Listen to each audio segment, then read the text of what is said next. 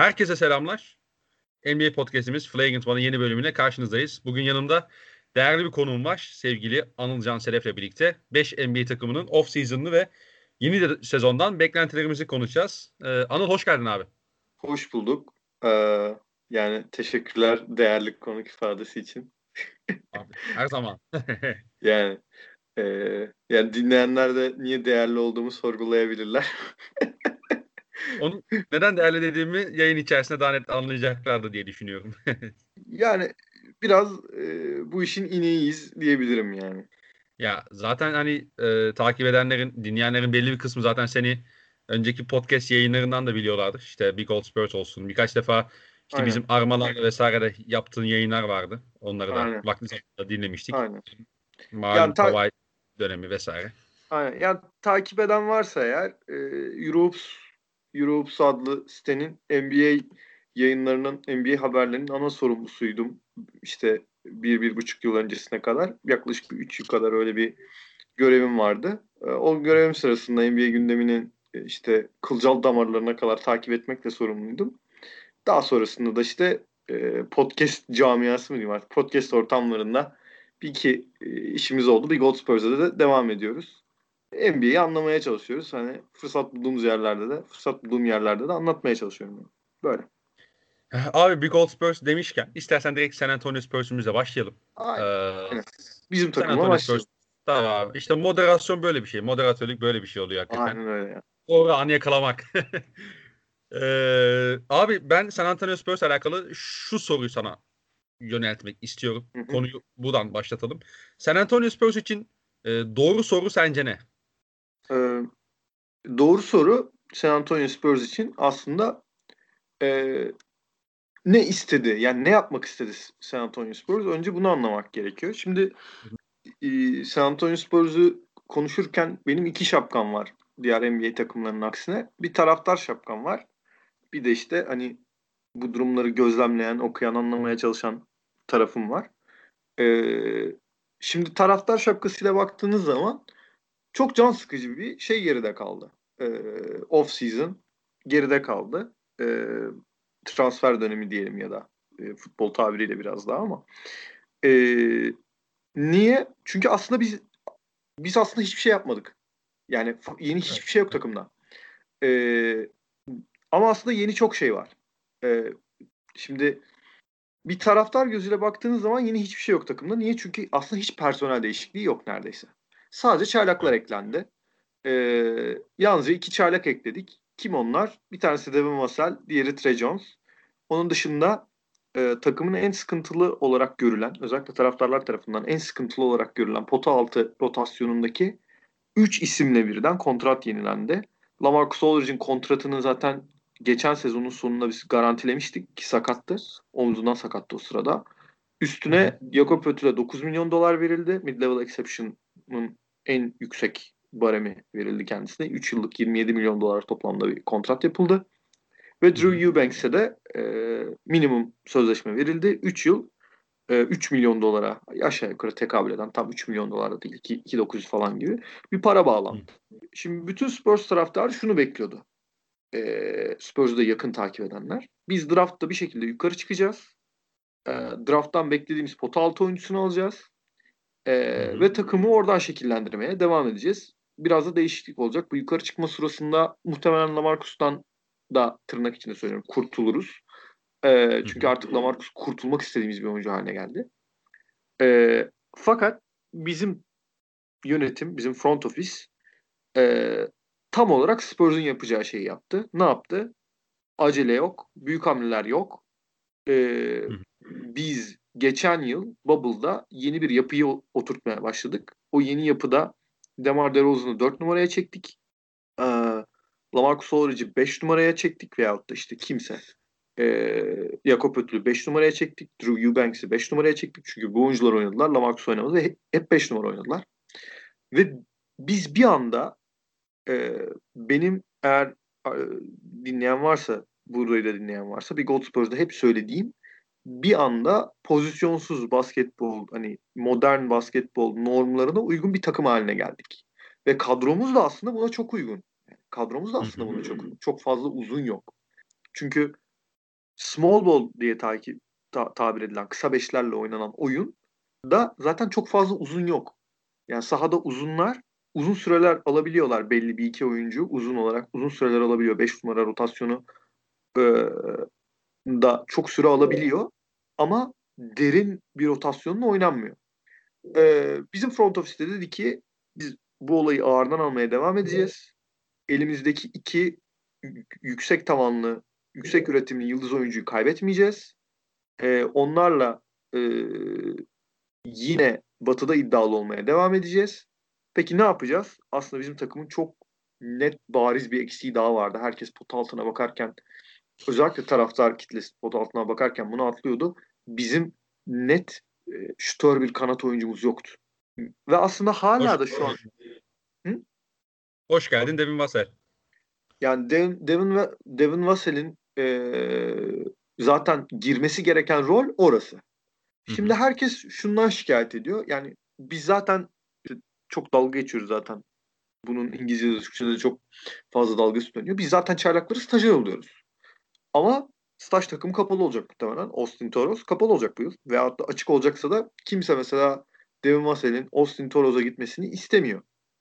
Ee, herkesin hayali Devin Devon'ın şeye girmesi, rotasyona girmesi ama zaten muhtemelen girecektir. Çünkü takımın çok net bir şutör eksiği var. Rudiger'e çok mahkum kalıyorduk ve bunun da ötesinde biz Brim Forbes'u yolladık. Barco dediği yolladık ki geçen yılın aslında yani tırnak içinde söylüyorum. Geçen yılın en büyük problemi bu iki oyuncuydu. Çünkü biz bu iki oyuncuyu oynatamıyorduk ama oynatmamız gerekiyordu. Çünkü şut sokuyorlardı ama hiç savunma yapamıyorlardı. Şut sokmaları onları bir mecburiyet haline getiriyordu. Ee, hiç savunma yapamaları onları da tamamen bir yük haline getiriyordu. Ve bizim rotasyonumuzu tamamen parçalıyorlardı. Yani rotasyonun o kısmı kesinlikle çalışmıyordu. Hani bu verilerle falan da ortaya konmuş bir şeydi. Artık hani eye test, göz testiyle de bunu anlıyor. Yani izlerken anlıyorsunuz. Yani Forbes içeri giriyor ve takım turnike yemeye başlıyor. Yani bunu görmek için istatistik kasmaya gerek yok. Forbes içeri giriyor ve bir anda 15 sayılık fark 3 sayılık farka düşüyor.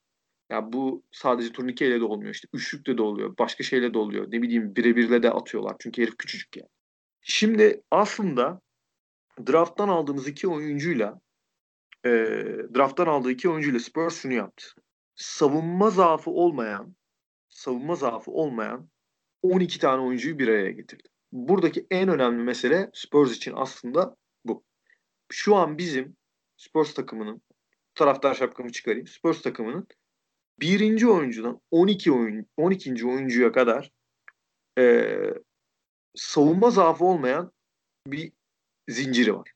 Bu zincirin hücumda nasıl çalışacağı meselesi Popovic ve ekibinin meselesi. Ve aslında bu hiçbir zaman problem olmadı. Yani e, biz DeRozan'dan da çok mutlu değildik taraftar kitlesi olarak. Lamarcus'tan da hala çok mutlu değiliz. Ama biz bu adamlardan bir şekilde verim alıyoruz hücumda. Yani çünkü e, zeki bir koçumuz var. Hala zeki. Hala çok zeki. Çok zeki bir ekibi var. Yani bunları, bu oyuncuları modern basketbolun içinde tutmak için en e, antika çözümlerden bile e, fayda sağladık.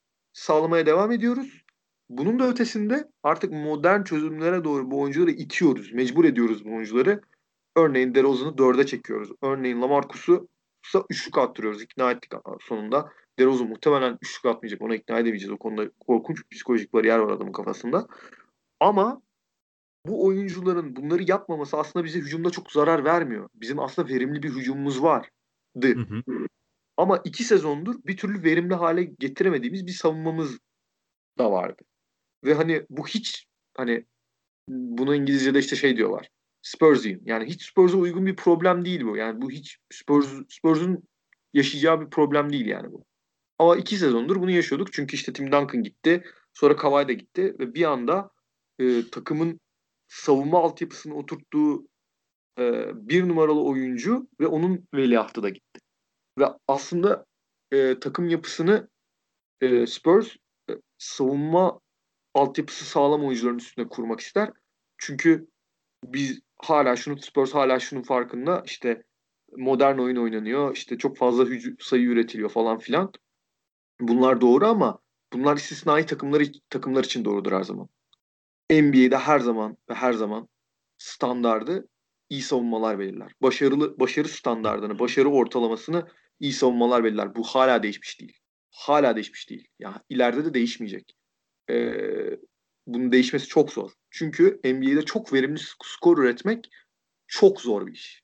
Yani ama çok verimli savunma yapmak aslında o yani belli bir ortalamada yapılabilen bir iş. Şimdi biz Spurs buna dönmeye çalışıyor tekrar. Yani belli bir ortalamada e, X8'in ya hemen altında ya X8'in hemen içinde sene boyu savunma yapacak bir takımın e, altyapısını kurdular. Birden 5'e 5'te belki hala biraz sorun var. 5 numarada onu yapabilecek mi? Oyuncular yapamayacak mı? Daha doğrusu Lamarcus yapabilecek mi? Yapamayacak mı? Biraz problem orada var. E, Demar, Demar DeRozan 4'te yapacak mı? Yapamayacak mı? Orada hala soru işareti var. Ama zaten geleceğe açılan kapı da buradan e, gidiyor. Bu oyuncularla zaten artık gelecek sezonki kontrat son kontrat. E, ya bu oyuncuları daha düşük miktarlara tutacağız ve veteran rollerine evireceğiz. E, veteran rollerine evirip rollerini, sürelerini küçülteceğiz. İşte e, ellerine aldıkları topları küçülteceğiz. Veyahut da yolları ayıracağız. Ya aslında e, 2020 transfer dönemi e, Kavay sonrası dönemin e, temellerinin atıldığı e, zaman dilimi oldu. Ya Kavay sonrası Kavay takasıyla beraber elin e, Spurs'un elinde DeRozan'ın kalması e, kadroyu ve organizasyonu bir arafa itmişti. Şimdi o araftan çıkmak için e, yeniden kendi kodlarıyla, kendi kodlarıyla, kendi seçtiği oyuncularla e, yeni bir altyapı kurmanın artık eşiğinde Spurs. Bunun ilk sonuçlarını e, bu sezon göreceğiz. E, bu kendi kodları işi meselesi ne anlama geliyor? Spurs takas yapmayan bir e, takım. Çünkü kendi kodlarına uygun oyuncuları, kendi uygun gördüğü oyuncuları drafttan alıyor veyahut da onlara onlarla kontrat imzalıyor. imzalıyor. Başkasının kodlarıyla NBA'ye girmiş, başkasının kodlarıyla NBA'de var olmuş oyuncular genellikle Spurs'un kapısından içeri girmezler. DeRozan'da böyle bir anomali yaşandı. Pötül yine biraz daha Spurs kültürüne daha uygun bir oyuncu. DeRozan'da böyle bir anomali yaşandı. Ana rolde olan bir oyuncu Spurs kültürüne uygun olmamasına rağmen içeri girdi. Ve onun iki yıldır problemleriyle aslında uğraş, uğraşıyor takım. Artık bu problemleri arkada bırakacak ve yeniden e, Spurs kodlarına uygun oyunlar oynayacak. Spurs kodlarına uygun iki yönlü basketbolcularla dolu bir takım olmaya doğru hedefi bu. İki yönlü ve pozisyonsuz bir basketbol. Yani Brian Wright'ın e, Türkiye'de hiç kimsenin tanımadığı GM'imiz. Bizim GM'imiz değişti bu arada. Yani bunda böyle Spurs konuştuğumda hep söylüyorum. GM'imiz değişti. GM'imiz R.C. Buford değil. Ee, Brian Wright yeni GM'imiz. Geçen yıl göreve başlayan yeni GM'imiz. Bunu anlatıyor. Pozisyonsuz basketbol oynayacağız diyor. Ee, bu da çok önemli. Yeni koçumuz da muhtemelen bu mesele belirleyecek. Ve e, oraya doğru gidecek artık. Spurs ne kadar gidebilecek? Elindeki oyuncuların tavanı bu anlattığım meselelere ne kadar müsait? Şut problemi ne kadar önün, önüne çıkacak falan filan. Bunlar hala soru işareti. İşte bu transfer dönemini çözmediği mesele zaten bu. Ee, peki sen Lamarcus'un 5 numara başlayacağını düşünüyor musun? Başlayacak. Başka çaresi yok. 4 numara oynayamaz çünkü. Ee, çünkü Oynayamıyor hani çünkü. Hı Ya şunun için sordum aslında. Şimdi Lamar DeRozan aslında sezon içerisinde de zaman zaman 4 numara oynamıştı. Hani e, özellikle rotasyon işin içine girdikten sonra ama özellikle Bubble'da tam anlamıyla 4 numara oynaması yanında işte atıyorum e, işte Keldon Johnson'ların ondan sonra Derek White'ların, Lonnie Walker'ların e, ciddi roller alması e, biraz da Lamar, yani büyük oranda aslında Lamarcus olduğu için Bubble'a gelmemesiyle olmuştu. Evet. Şimdi Lamarcus evet. olduğu için tekrar devreye girecek. E, sen orada dakikaları da ayarlaman gerekecek. Yani ben Pörtul'la Lamarcus'u beraber başlatacağını düşünüyorum. E, ama belki şunu yapabilir. 5 numara rotasyonda sadece bu iki ismi yazarak daha fazla kısa 5'i düşünebilirim. Yani şey e, Greg Popovich. Ama beraber kullanacağını düşünüyorum ben yine de belli sürelerde olsa. Bu iki oyuncu beraber kullanırsa eğer Greg Popovich ki kullanabilir. Doğru söylüyorsun. Böyle bir şey olabilir. Ee, yani takımın şu an mevcut kadro yapısına, mevcut kontrat e, hesabına, Hı hı. oyuncuların gelişimine yani akla gelebilecek ve hesaba katılabilecek diğer bütün faktörlere ters bir iş yapmış oluruz. Böyle bir şey yapacağımızı bundan dolayı düşünmüyorum. Şu an takımın drafttan tut da e, işte oyuncu piyasasında yaptığı hamlelere kadar, bıraktığı isimlerden tuttuğu isimlere kadar her şey bize şunu işaret ediyor. Dört kısalı e, bir şeye doğru gidiyoruz. E, dört kısalı bir oyuna doğru gidiyoruz. Ha bu olmazsa Peki ne sana olur? şurada Bu olmazsa ne olur? şu soru çok. Lamarcus Aldridge ve DeMar DeRozan'ın 4-5 rotasyonu paylaştığı bir takım ne kadar iyi savunma yapabilir? Yapabilir, iyi savunma yapabilir ama çok iyi savunma yapamaz. Ama Ben zaten çok problem burada. abi işte. Hı? Ben çok yeter kesinlikle hani yani takım vasatı bulursa işte atıyorum hani yani savunma verimliliğinde 12 13'ü falan bulursa çok şaşırırım açıkçası yani bahsettiğin işte 4-5 rotasyonunda. Şimdi ben sana e, madem bu kadar detaya girdik asıl mevzuyu asıl mevzu şu. Hı hı. Şimdi Spurs'un rotasyonunda e, bunu nasıl ifade edeyim bilmiyorum. Spurs'un rotasyonunda bir kişiye yer açılması lazım. Bu kişinin adı Lonnie Walker. Hı hı. Bu kişinin adı Keldon Johnson. Bu kişinin adı atıyorum şu an ekliyorum. Luka Šamanić. Niye biliyor musun? Çünkü 3 numarayı dolduramıyoruz. 3 Hı hı. numarayı dolduramıyoruz. 3 numarayı dolduramadığımız zaman DeRozan'ın 4 numarada bize savunmada verdiği zarar 3 numarada verdiği zarardan daha az. Yani Anladım. Çünkü Tamam. 3 numaraya iyi bir savunmacı koyduğun zaman perimetreyi kapatıyorsun. Ve perimetreyi iyi kapattığın zaman arkadaki potayının önünde duran oyuncunun ne kadar kötü veya ne kadar iyi olduğu sorusu daha katlanılabilir bir soru haline geliyor.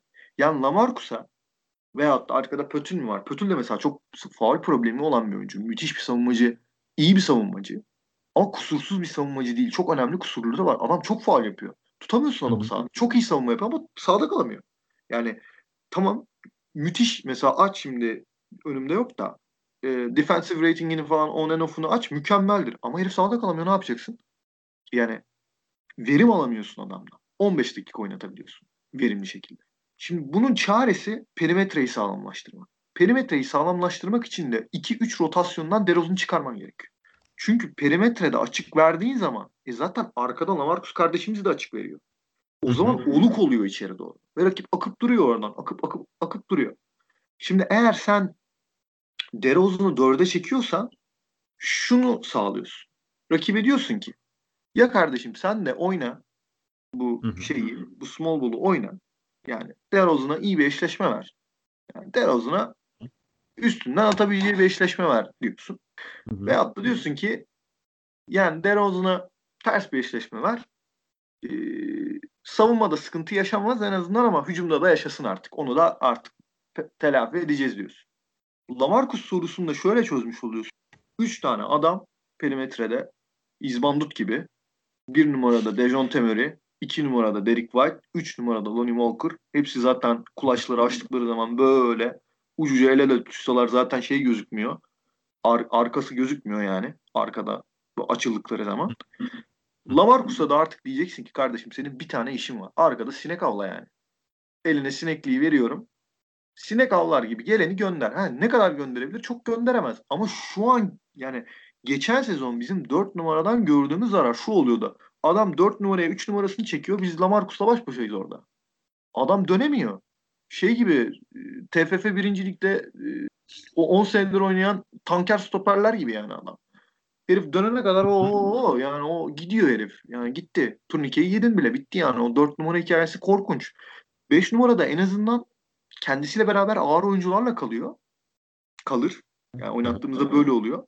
Kendisiyle beraber ağır oyuncularla kalıyor. En azından onların arkasında duruyor. İkiyor yani öyle korkusuz zayıf bir oyuncu değil veyahut da işte hani e, savunma nasıl ifade edilir yani savunma onuru var herifte yani. Hani James Harden gibi şey parkenin üstüne oturmuyor yani. Hani diyor ki en azından bir şeyler en, azından bir şeyler yapayım diyor yani.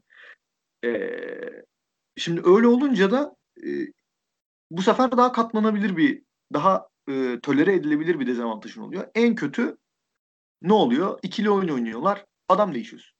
Ve 1, 2, 3'teki adamlardan en azından 2 ile 3 Mills'le e, pardon e, White'la e, şey e, Lonnie 4 ve 5 ile de eşleşebiliyorlar. Çünkü hem sertler hem çok atletikler hem de savunmada çok inatçılar.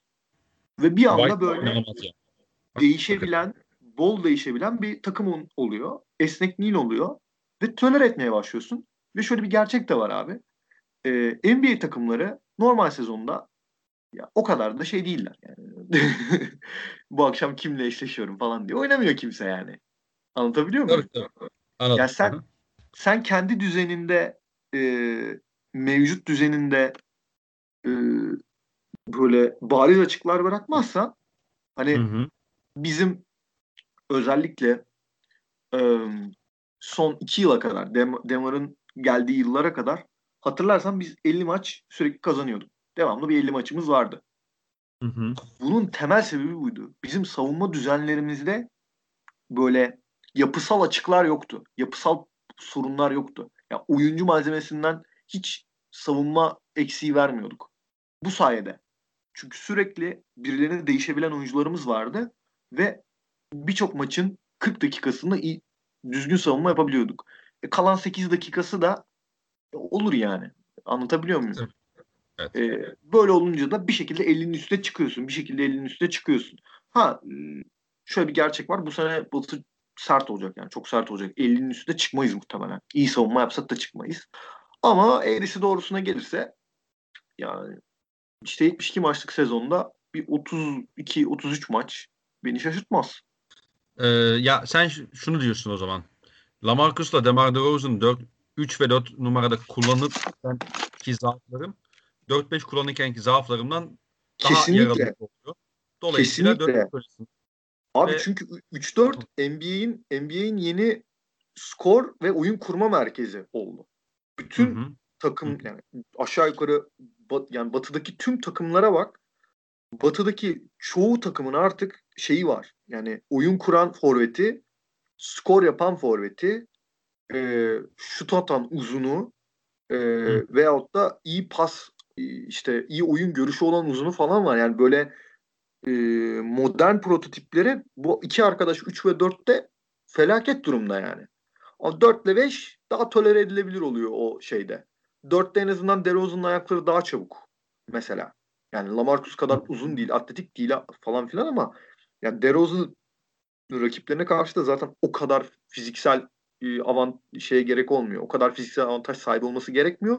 Çünkü genellikle koçlar artık oraya işte böyle çok güçlü power forward hani artık e, power forward ismi şey oldu yani birazcık e, boşa çıktı. Güçlü güçlü forvet koymuyorlar aslında oraya. Çabuk forvet koyuyorlar. Yani çabuk bir uzun koyuyorlar. Yani çabuk bir oyuncu koyduğun zaman ayakları daha hızlı hareket eden bir oyuncu koyduğun zaman o dezavantajı tolere etmeye başlıyorsun. O sıkıntıyı ortadan kaldırmaya başlıyorsun. Bunu hı hı. Bubble'da biraz gördük. Neredeyse play'ine giriyorduk yani. Neredeyse girecektik yine. Ee, yani ölümüz ölümüz yine playoff hesabına girecekti neredeyse. Ee, o yüzden ben çok ya belki bir de biraz taraftar bakış açısıyla biraz fazla umutlu olabilirim. Ama şunu söyleyeyim hani dinleyenlere ya Spurs'un yine sürpriz yaptığı bir sezon izleyebilirler. Şaşırmasınlar yani. Yine tırnak içinde söylüyorum. Yani. yani çünkü hep hep oluyor bu. Spurs bitti, hikaye bitti falan filan. Aha. Sonra yine mezardan çıkıyoruz yani. yine öyle bir şey olabilir. Yine mezardan çıkabiliriz yani. Yani benim hani sen bu anlattıklarından ve işte front office'in hamlelerinden de anladığım kadarıyla hakikaten bu takımın mezardan çıkabileceğine inanıyorlar o zaman. Tabii. Yani şöyle bir şey var abi. Ee, buna e, benim anladığım kadarıyla felsefeleri de bu şekilde. Buna kayayı delmek diyorlar abi bizimkiler. Ee, kayayı delene kadar vurmaya devam ediyoruz. Ee, bu e, bu takımın hikayesi de biraz orada aslında. Yani Hı. kayayı delene kadar vurmaya devam edeceğiz. Kimse hiçbir şey görmüyor olabilir bizim dışımızda. Front office'in dışında hiç kimse bu takımda bir şey görmüyor olabilir ama kayaya delersek yani o o yüzüncü çekici vurur, vurursak eğer ve kayayı delersek 101. çekici bu kayayı, kayayı delmeyi başarırsak altından bayağı kritik bir şey çıkacak. E, niye böyle söylüyorum? Çünkü bir numarada De- Dejonte var. E, şut sorununu biraz daha törpüleyebilirse, biraz daha çözebilirse yani çok iyi bir modern bir numara. Derek White Hı hı. çok iyi bir modern iki numara ve oyuncu olarak problemi yok. Sadece işte yaratıcılık olarak biraz ileri gitmesi gerekiyor. Gitmezse de problem değil. Ee, Lonnie çok inanılmaz bir atletik tavana sahip. İnanılmaz bir atlet yani. Akıl almaz bir atletizmi var. Ve Hı hı. biraz oyunu bir araya gelmeye başladı artık. Ee, yani savunmayla hücumu birleştirmeye başladı. Şut seçmeye başladı falan. Ve o atletik tavanla birlikte inanılmaz bir şey oluyor. Yani iyi oynadığı zaman akıl almaz bir seviyeye çıkıyor bizim için. Çünkü biz uzun zamandır bu kadar şey görmedik yani bu kadar bireysel e, gücü bireysel e, patlayıcılığı bu kadar yüksek bir oyuncu görmedik. Ve e, aynı zamanda çok da coachable bir oyuncu yani çok düzen oyuncusu. E, şeyden de çıkmıyor yani düzenin içinden de çıkmıyor her şeye rağmen. Ve eğer biz bu üçlünün potansiyelini gerçekten ortaya çıkartabilirsek yani Keldon Johnson falan var. Hani oralara girmek istemiyorum. Keldon Johnson da çok garip bir top oynadı yani Bubble'da. Hiç beklenmedik şekilde işte üst üste 20 sayılar attı falan filan. E, ve 3 numara rotasyonuna girdi bir anda. E, o zaman bizim elimizde durup dururken bir üçlü olacak. E, iyi savunma yapabilen ve iyi hücum yapabilen bir üçlü olacak. E, bu noktada zaten artık e, gerisi şey değil. Gerisi zaten atom fiziği değil. Yapman gereken tek şey e, bu üç oyuncunun yanına tavanı daha yüksek bir oyuncu bulmak. Anlatabiliyor muyum? Yani Evet. ve hani e, bu belki çok zor gözüküyor ama Tim Duncan'ı, e, Tony Parker'ı, Ginobili'yi e, draft ettikten sonra Kawhi Leonard'ı draft eden takım da biziz yani. Anlatabiliyor muyum? Yani Kawhi Leonard'ı takaslayan takım da biziz. Draft'ta etmedik de yani draft'ta takaslayan takım da biziz. Yani beklenmedik yerlerden beklenmedik şeyler bulma konusunda bir becerimiz var. O yüzden hani bizimkiler taşa vurmaya, kayaya vurmaya devam ediyorlar. Kaya çatlayana kadar devam edecekler. Ve e, son 20-25 yıllık tarihimizde o kayayı çatlatabildiğimizi gösteriyor. O yüzden hani Devin Vassell'e dikkat etmek lazım. Trey Jones daha çok yani e, kenardan gelecek bir oyuncu olacak gibi duruyor. E, ama Devin Vassell'e ve bizim bundan sonra yapacağımız draft seçimlerine gerçekten dikkat etmek lazım. E, yine beklenmedik yerlerden beklenmedik şeyler çıkabilir ki yani 11. sıra se- seçimimiz Devin Vassell e, bast olma ihtimali bence çok düşük. Çok düşük yani. E tabi son 11. sıra seçimine de gittiğimiz zaman San Antonio'nun ya 1989'a gidiyoruz herhalde değil mi? Öyle, öyle bir durum var. Yok. o kadar uzağa gitme abi sen. George Hill takası. Kavaliye'nin. Ya. O 13 13'teydi diye hatırlıyorum Kavay ama yanlış hatırlıyor olabilirim. Pardon. Aa dur. 15 miydi hatta Kavay? Kavay 15. Pardon. 13 veya doğru 11. ama Yani. doğru, Ya, doğru O, 15. o, ta- beş o taraflar o taraflardan seçim yaptığımızda bir şeyler çıkıyor. O doğru. Bir şeyler Evet. Ama çok. çok kötü seçimlerimiz de var. Ee, ama şunu söyleyeyim. Ee, şu anki GM'imiz takımın başına geçtiğinden bu yana yani e, oyuncu seçimleri konusunda yetkilendirildiğinden bu yana ki Dejounte Murray'nin draft edilmesiyle başlıyor bu mevzu. Kötü seçimimiz açıkçası yok. Yani bu da böyle bir şey. Ee, ve e, işte benim kendisiyle ilgili e, NBA ortamlarında, forumlarında, oralarda buralarda yaptığım araştırmadan anladığım kadarıyla kendisi bayağı çok sağlam bir e, şey olarak biliniyor. Çok sağlam bir scout olarak e, isim yapmış. E, ve hani onun da bize açıkçası karşılığını veriyor yani. Ben daha henüz niye bu oyuncu seçtik diye baktığım bir oyuncu görmedim yani. Böyle söyleyeyim. Kulağa, kulağa çok şey geliyor, tanıdık geliyor bu iş ya. Çok iyi scout, GM. Ee, evet. Sizin, sizin GM. Aynen öyle. Sen Presti'yi hediye ettik size böyle. Ama e, Presti yani scoutluğu açtı biraz be. Yani başka artık bambaşka becerilerini sergiliyor yani. Ya bütün- Presti ile Bütün alakalı NBA'yi soyup hani- soğana çevirmekle meşgul yani.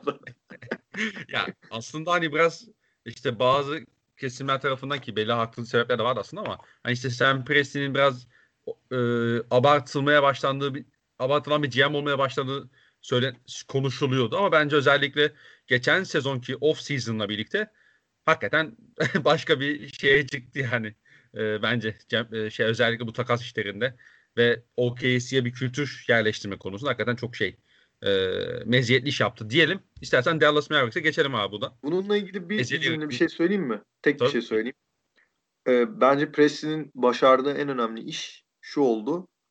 Ee, yeniden yapılanacak bir takım yaratmak istiyorsanız dibe çökmekle işe başlamak zorunda değilsiniz. Yani dibe çökmeniz gerekmiyor.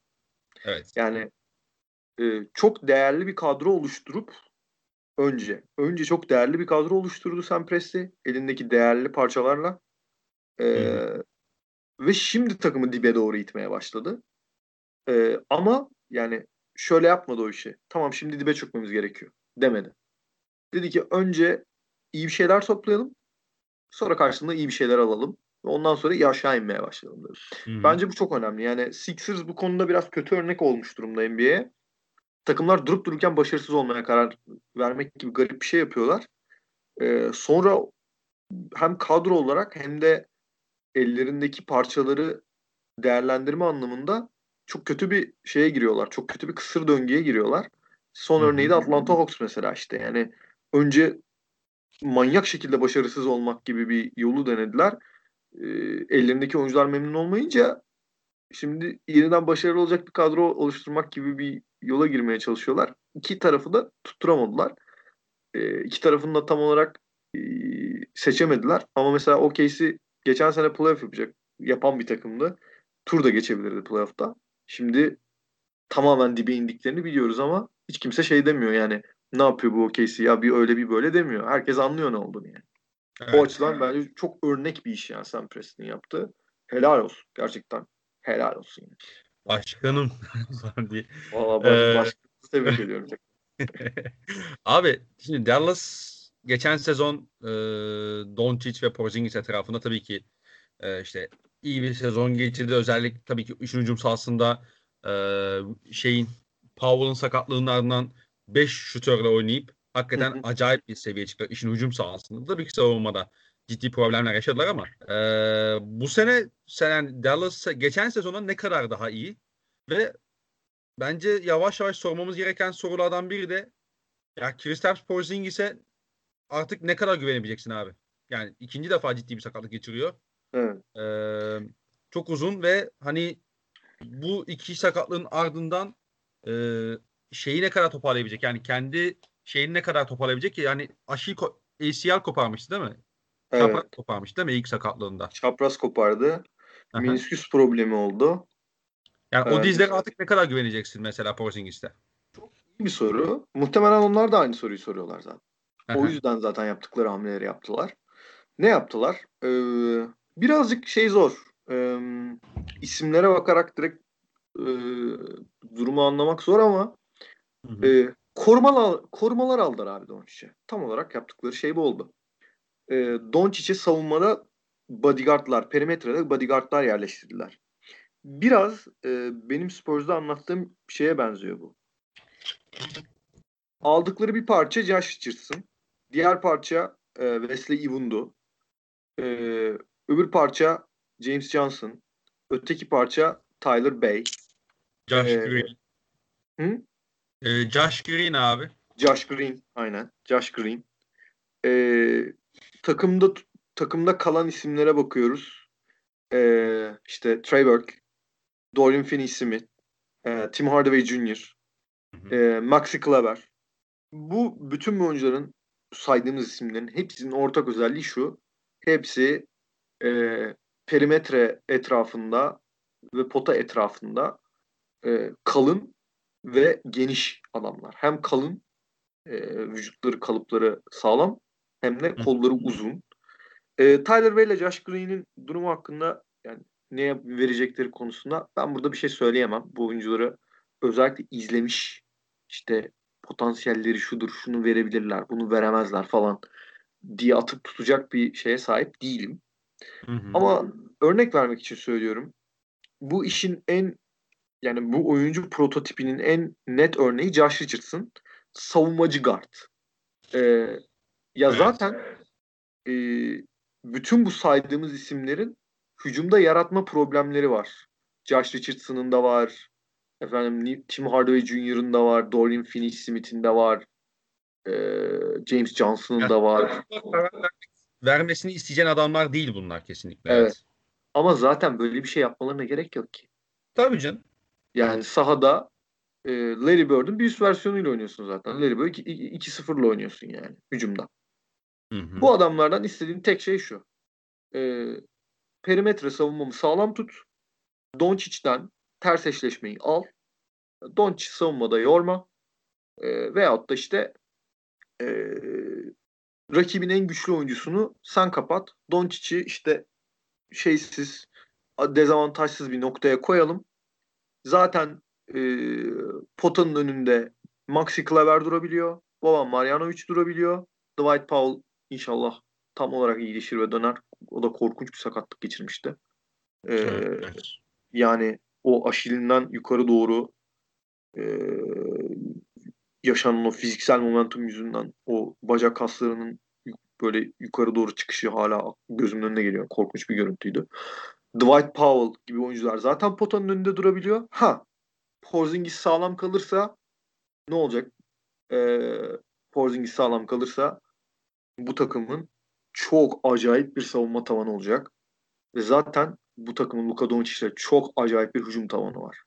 O zaman Dallas Mavericks e, Batı'nın ilk dördüne aday ciddi aday bir takım olacak. Olabilir. Ama dediğin gibi bu sorunun cevabı Porzingis'in dizlerinde bir yerde. Diğer bir yani. diğer bir ihtimal Doncic'in kariyeri boyunca yaptığı gibi ki ben Real Madrid'den beri Doncic'i izliyorum yani. Kariyeri boyunca yaptığı gibi açıklanamaz biçimde biraz daha iyi bir oyuncu olması. Bu da olabilir. Bu da onları zaten Batı'da ilk dörde doğru iter. Ya mesela bu e, yani Dallas'la alakalı zaten şimdi çok sıkıntılı bir konferans var. Bir kere onu tabii ki söyleyebiliriz. Yani Batı konferansında e, Dallas'ın uğraşması gereken çok fazla e, ciddi takım var. Dolayısıyla bu zaten bir kere sizin oradan çıkma olasılığınızı azaltıyor otomatikman. Ee, bir diğer noktada mesela işte mesela James Johnson çok yani sevdiğim bir adam mı değil ama mesela işte hem sert bir oyuncu hem işte gerektiğinde topta yönlendirebilen bir oyuncu işte Josh Richardson e, takası yaptılar. İşte Josh Richardson evet topu al hadi bakalım sen bizim hücumumuzu yönlendir diyeceğim bir adam değil ama Luka Zaten Doncic... istemezsin böyle, istemezsin böyle bir şey. evet evet yani ama yani Luka Doncic yanında ikinci, üçüncü top yönlendirici olarak sahaya atabileceğin değerli bir oyuncu bence. Hani geçen ikinci, sene üçüncü, zaten... ikinci, üçüncü top yönlendirici ol, şut at. E, tabii, savunmada tabii. da zor oyuncuyu al. Hayırlı olsun yani. Tabii. Yani işin şey tarafı da var işte. Hani Josh Richardson mesela geçen sene kötü bir Philadelphia yapısındaydı ve hani o Philadelphia yapısında iyi gözükmesine zaten neredeyse imkan yok. Imkan yok. İmkan Tabii. yok. E şimdi Josh Richardson, ondan sonra Dorian Finney-Smith, Tim Hardaway Jr. E, mesela bu tarz adamlar sizin e, hem Luka Doncic'i saklamanıza yol açabiliyor, yardımcı oluyor. Hem de şey abi. Hani e, işte atıyorum Porzingis'in sen 5 numara oynatıyorsun ya işte ya da ne bileyim Dwight Powell 5 numara oynatıyorsun. Mesela bu adamlar sürekli topun karşısında kalabilen de adamlar. Evet. Aynen Özellikle öyle. Her şeyi değişmeni çok... sağlıyorlar. Hem her şeyi değişmeni sağlıyorlar hem de perdenin üzerine savaşmayı da çok iyi beceriyorlar. Aynen öyle. Dolayısıyla bu Dallas'ın bence savunma, savunma tavanını yukarı çıkaracaktır. Mesela Seth Curry evet bazı işte hani savunmada atıyorum Garden peşinde koşar işte abisinin peşinden falan koşar. Okey ama fiziksel anlamda çok eksi bir adam. Abi. Aynı zamanda top yönlendirebilen de bir adam değil. Öyle, öyle bir problem var. Bir de yani playoff serisini dikkatli izleyenler hatırlayacaktır. Kawhi Leonard'ın üstünde kalıyordu adam. Yani, Kalmak zorunda kalıyordu evet. evet yani kalıyordu yani adam. Hani bir şekilde kalıyordu. Savunduğu pozisyonlar da var da. Yani şimdi Seth Curry'i tamam eleştirebilirsin işte. Ama, ama yani Kawhi Leonard'ın üstünde kalmaması lazım yani o adamın. O da artık Seth Curry'nin problemi değil. Elinden gelen yaptı ama Şimdi mesela yani, Josh Richardson, Josh Richardson Kawhi Leonard'ın üstünde kalırsa niye kaldı demezsin yani. Neden böyle bir şey oldu demezsin. Kolay gelsin. Ya. Josh kardeşim dersin yani. Tabii tabii. Hadi aslanım deyip şöyle böyle evet. omuzuna iki şey yapıp. Tabii. Tabii. tabii. Ya abi şey yani Ricard'lar geçen sene playoff neler denemedi ya. Böyle acayip alan savunmaları falan denedi böyle. Bir, bir şeyler değiştirebilmek. O. Bir avantajları da o. Ufak bir avantaj değil mi? Böyle çok minör bir avantaj. Yok şöyle minör bir avantaj ama Yok ya minor... yok şaka yapıyorum. Tabii Majör bir avantaj canım. Böyle sahip olmak. Ya yani. abi minor, minor bir avantaj olarak da görebilir birisi ama o kadar problem değil. Hani böyle çok insan var. Hani NBA'de koçlar çok bir şeyi değiştirmiyor falan diyen insan da çok var. Bu da bu sorun da bir problem. Bu görüşte bir sorun değil. Ama Aha. böyle bir oyuncu kadro malzemesi verdiğin zaman o minor avantajı e, koçun zamanlama yani onu kullanma zamanlaması çok şey değiştirebiliyor yani. Yani tabii canım. Toronto Raptors'ın Warriors'a yaptıklarını unutmayalım yani. Bir, bir, bir önceki senin finaliydi ama e, ya Bucks and One'lar bilmem ne işte yani e, sürekli kenarda her şeyi deneyen bir adam var. E, evet. Elindeki kadro malzemesi de ona uygun olduğu zaman ya rakip kendini çok çaresiz hissedebiliyor en üst seviyede bile. Boğabiliyorsun yani rakibi bir anda. Ya Abi benim playoff'larla alakalı, koçlarla alakalı özellikle geç 2020 en sezonundan sonra kendi çapımda bir şeyim oluştu. Bir mantığım oluştu diyeyim. O da şu. Abi şimdi bu adjustment yapma işi diyorlar ya mesela hani Amerikalılar işte playoff'larda hani evet, öteki evet. maçta yani değişiklik yapma işte ekleme yapma. Sizin artık bu değişiklikleri bu adjustment'ları yeri geldiğinde aynı maç içerisinde doğru yerde yapmanız lazım. Yani hani oyuncuların maçı ya da işte playoff'u işte hissetmelerinden bahsederler ya işte mesela LeBron James oyunu çok iyi hissediyor. Bu evet.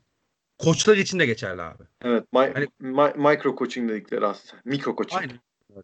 Aynen öyle. Yani ve bu noktada çok fark inanılmaz fark yaratabiliyor yani işte atıyorum X bir koçun işte X bir takımdaki X bir koçun e, rakip rakibe karşı çok kritik bir playoff maçında bir anda savunmada bazı şeyleri değiştirmesi ya da işte atıyorum bir anda hücumda ufak dokunuş yapması serinin gidişatını değiştirebiliyor. Hani mesela Brett Brown atıyorum çok eleştiriliyor. Neden eleştiriliyor? Ya da işte atıyorum bu şeyin koçu neydi? Ee, Nuggets'ın şey Mike Malone. Neydi?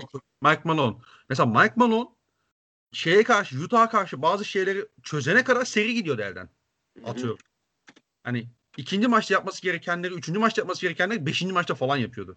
Hani siz bunları artık yap, bu şeyde yaptığınızda oyuncu kalitesinin bu kadar arttığı bir e, ligde sizin o en ufak coaching avantajınız hakikaten çok majör bir fark oluşturabiliyor.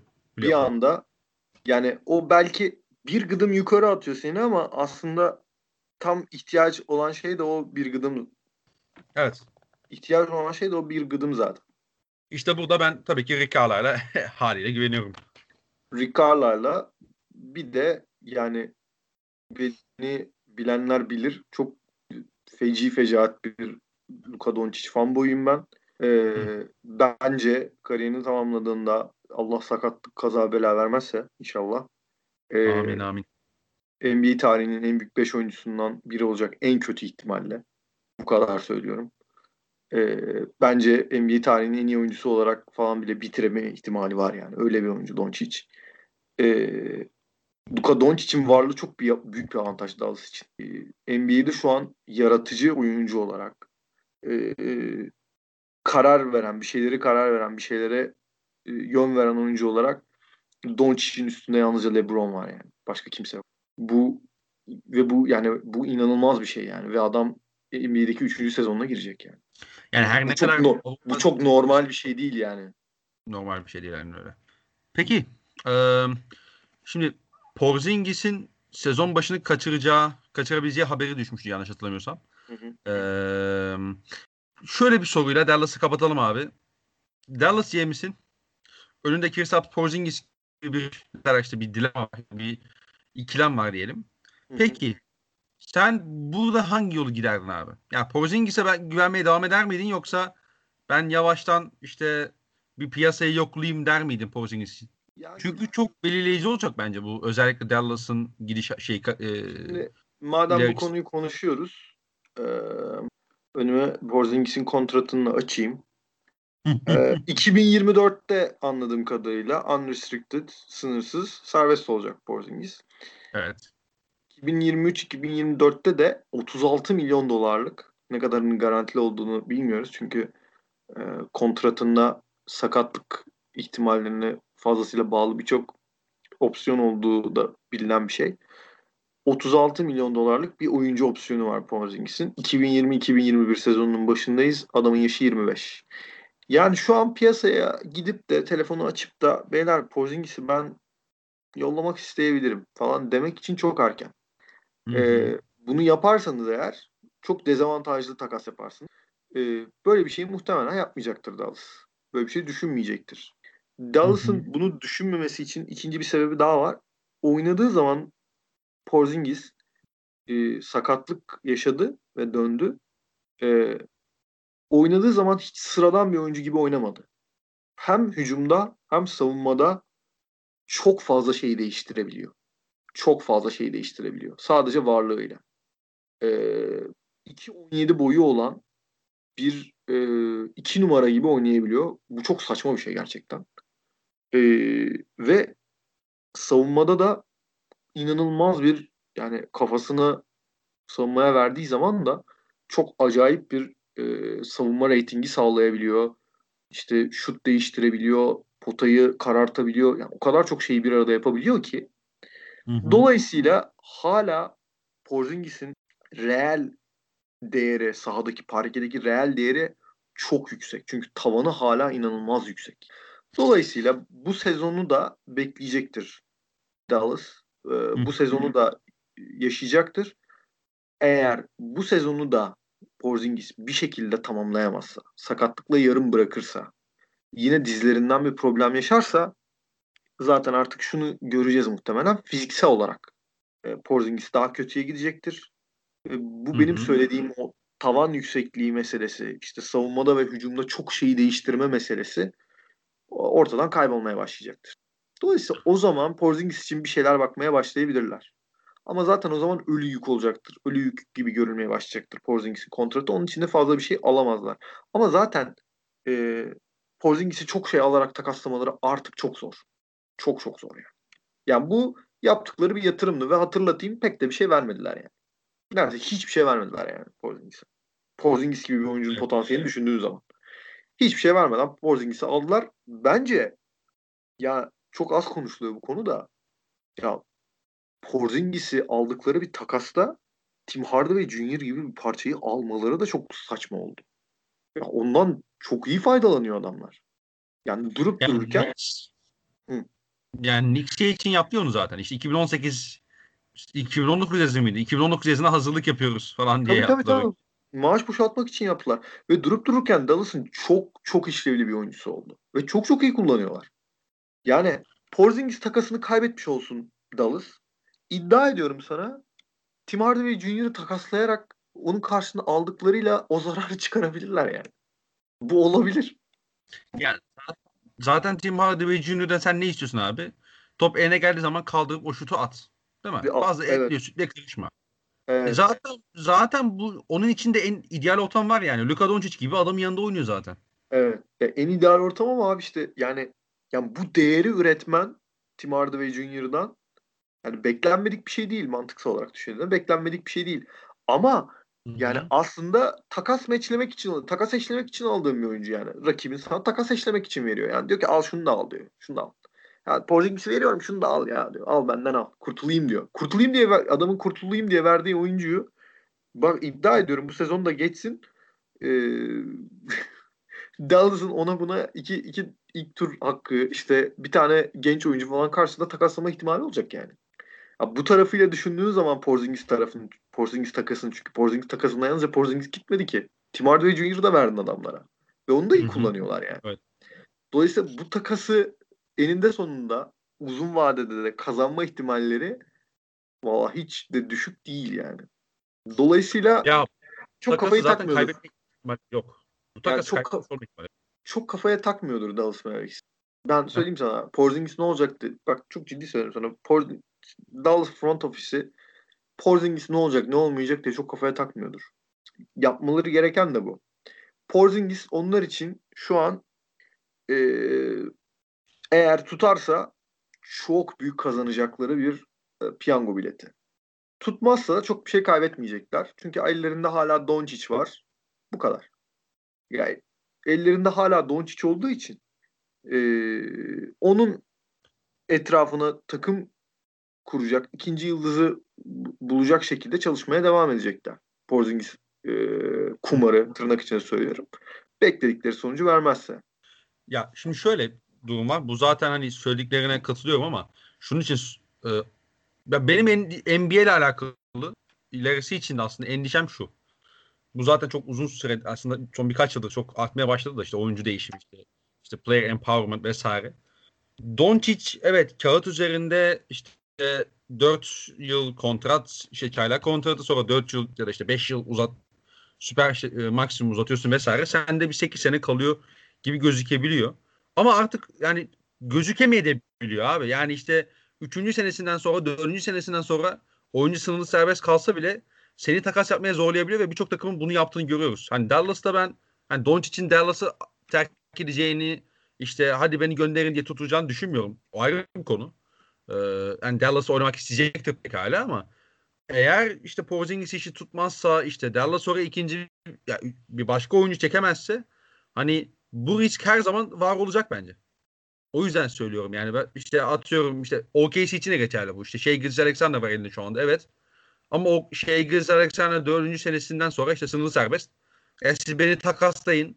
Ee, ben burada kalmak istemiyorum dediği zaman o oyuncuyu tutamıyorsun artık pek maalesef.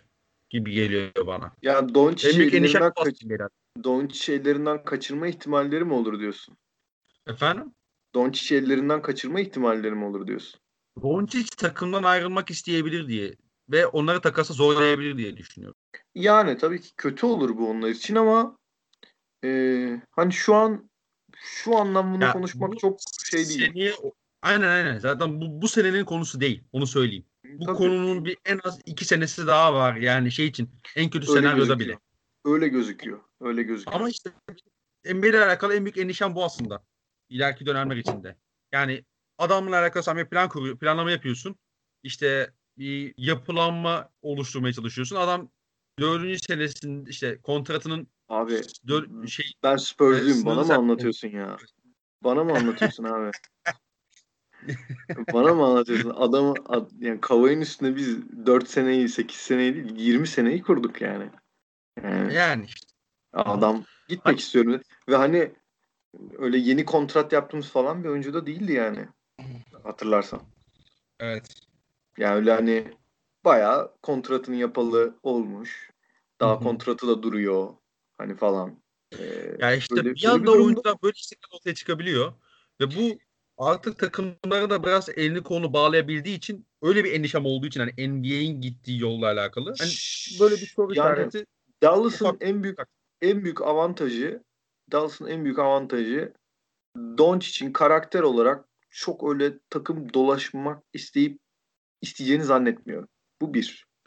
Ya, ee, çok öyle takım dolaşacak bir oyuncu gibi, karakter gibi durmuyor. Yani Madrid'de gördüğümüz kadarıyla. Yani Hı-hı. bulunduğu yerle bağ kuran e, bir oyuncu olduğunu biliyoruz. Şu an bile işte bilmiyorum denk geldin mi ama e, dikkatini çekti mi? Madrid maç oynarken Sergio'yu e, üçlük soktuğu zaman e, Madrid e, taraftar arasında ilginç bir şey var, tabir var işte. Küçük mandalina diyorlar onun attıkları üçlüklere böyle mandalina atar gibi potaya. Hani öyle kaydırıyor ya. Hani sanki pota çok büyükmüş gibi falan. Hani onun İspanyolca bir tabiri var. Mesela onunla ilgili tweet attı falan gibi. Çok ee, takip biliyorum. Yani bu tür bu tür kulüp sadakati yüksek bir oyuncu Doncic. Bir böyle bir avantajları var. İkincisi Doncic'in etrafına plan yapma bilinciyle hareket ettiklerini şu an bile hissediyoruz. Yani anlattım ya sana. Hı hı, evet. Ee, dolayısıyla bu da onlar için kurumsal olarak bir artı demek ki ne yapmaları gerektiğinin farkındalar. Yani e, Porzingis'i hesaba katarak iş yapmıyorlar aslında. Dikkatini çekiyorsa ya. Ya Porzingis'i hesaba katmıyorlar şu an. Ya Porzingis olur olmaz. Ama biz şurada şu işi bir görelim. İşin şu tarafını bir sağlamlaştıralım. Porzingis de şey olsun. Bonus olsun. Veyahut da işte Porzingis de e, ekstrası olsun bu savunma işi falan noktasına gelmiş. Hani şey demiyorlar yani. Abi bizim Porzingis gibi pota koruyucumuz var. O oynadı mı? Oho ee, biz bu savunma işini hallederiz. İşte biz biraz daha Doncic'in etrafına daha da fazla şutör koyalım falan demiyor. Yani Doncic'in etrafına daha da fazla savunmacı, daha da fazla sertlik, daha da fazla kalıp ki daha da sağlam olalım ki oyuncunun e, asıl defekti, asıl eksiği zaten Doncic'in savunma.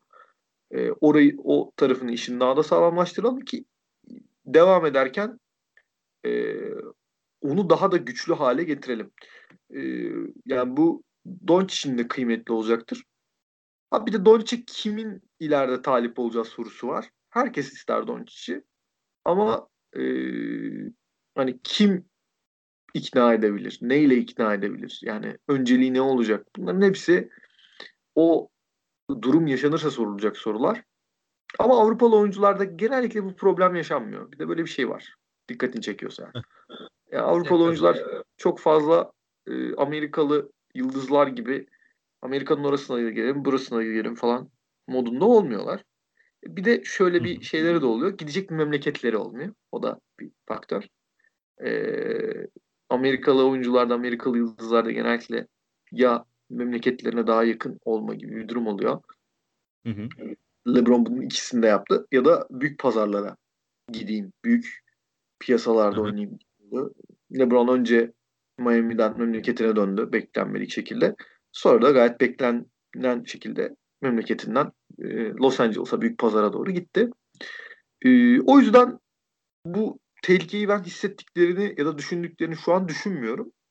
Hı-hı. Ama e, bütün planlarını Doncic'in etrafına yapmaları da böyle bir şey yaşarlarsa bile adama anlatacakları bir şeyler olduğunu da gösteriyor.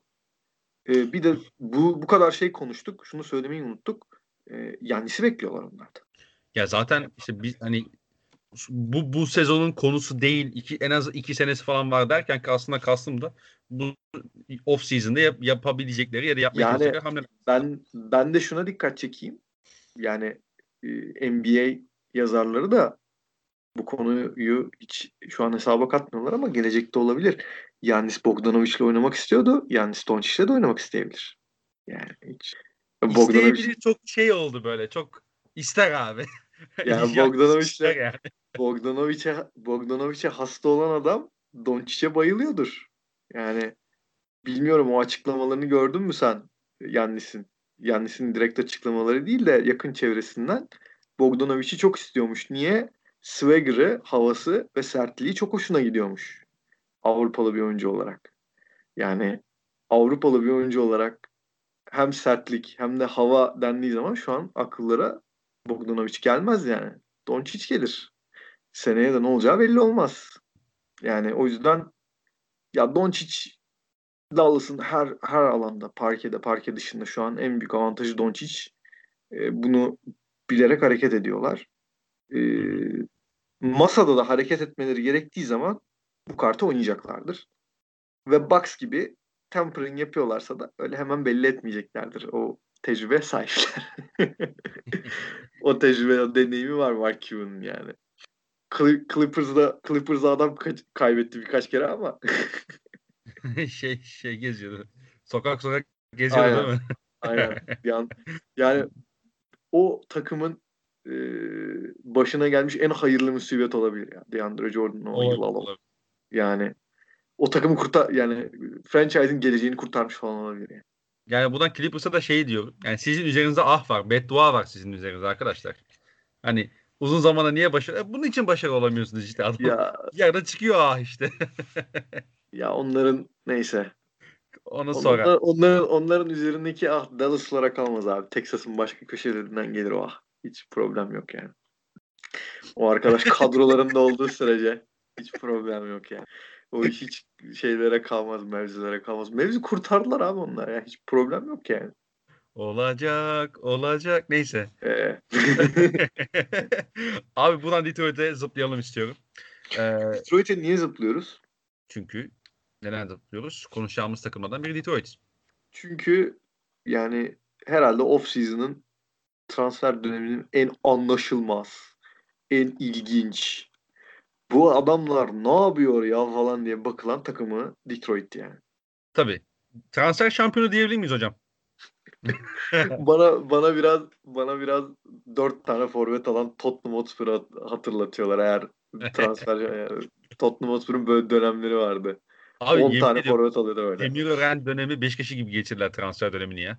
10 oyuncu gelsin, 15 oyuncu gitsin falan böyle. Çok ilginç şeyler yaptılar ya. Anlamak şu an hala çok zor.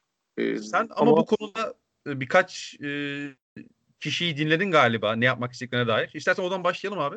Abi NBA medyası dahil olmak üzere tam olarak şu an ne amaçladıklarını kimse bilmiyor. Çünkü yeni GM değiştirdiler. E, Troy Weaver diye bir GM'leri var. Bu Troy Weaver'da işte senin demin press örneğinde verdiğin gibi e-scout nasıl, nasıl GM olacak falan diye getirilen hani çok iyi scout olarak bilinen adamlardan bir tanesi. Yani kadro planlaması konusunda ne istediği hususu henüz daha soru işareti. Hı hı. Ama e, hani NBA yazarları da Amerika'daki NBA yazarları da tabii ki bizden çok daha derin bir şekilde şu soruyu soruyorlar kendine. Ya bu adamlar ne yapıyor? Ne yaptılar şimdi yani? Ne oldu yani? Hı-hı. Ne yaptılar?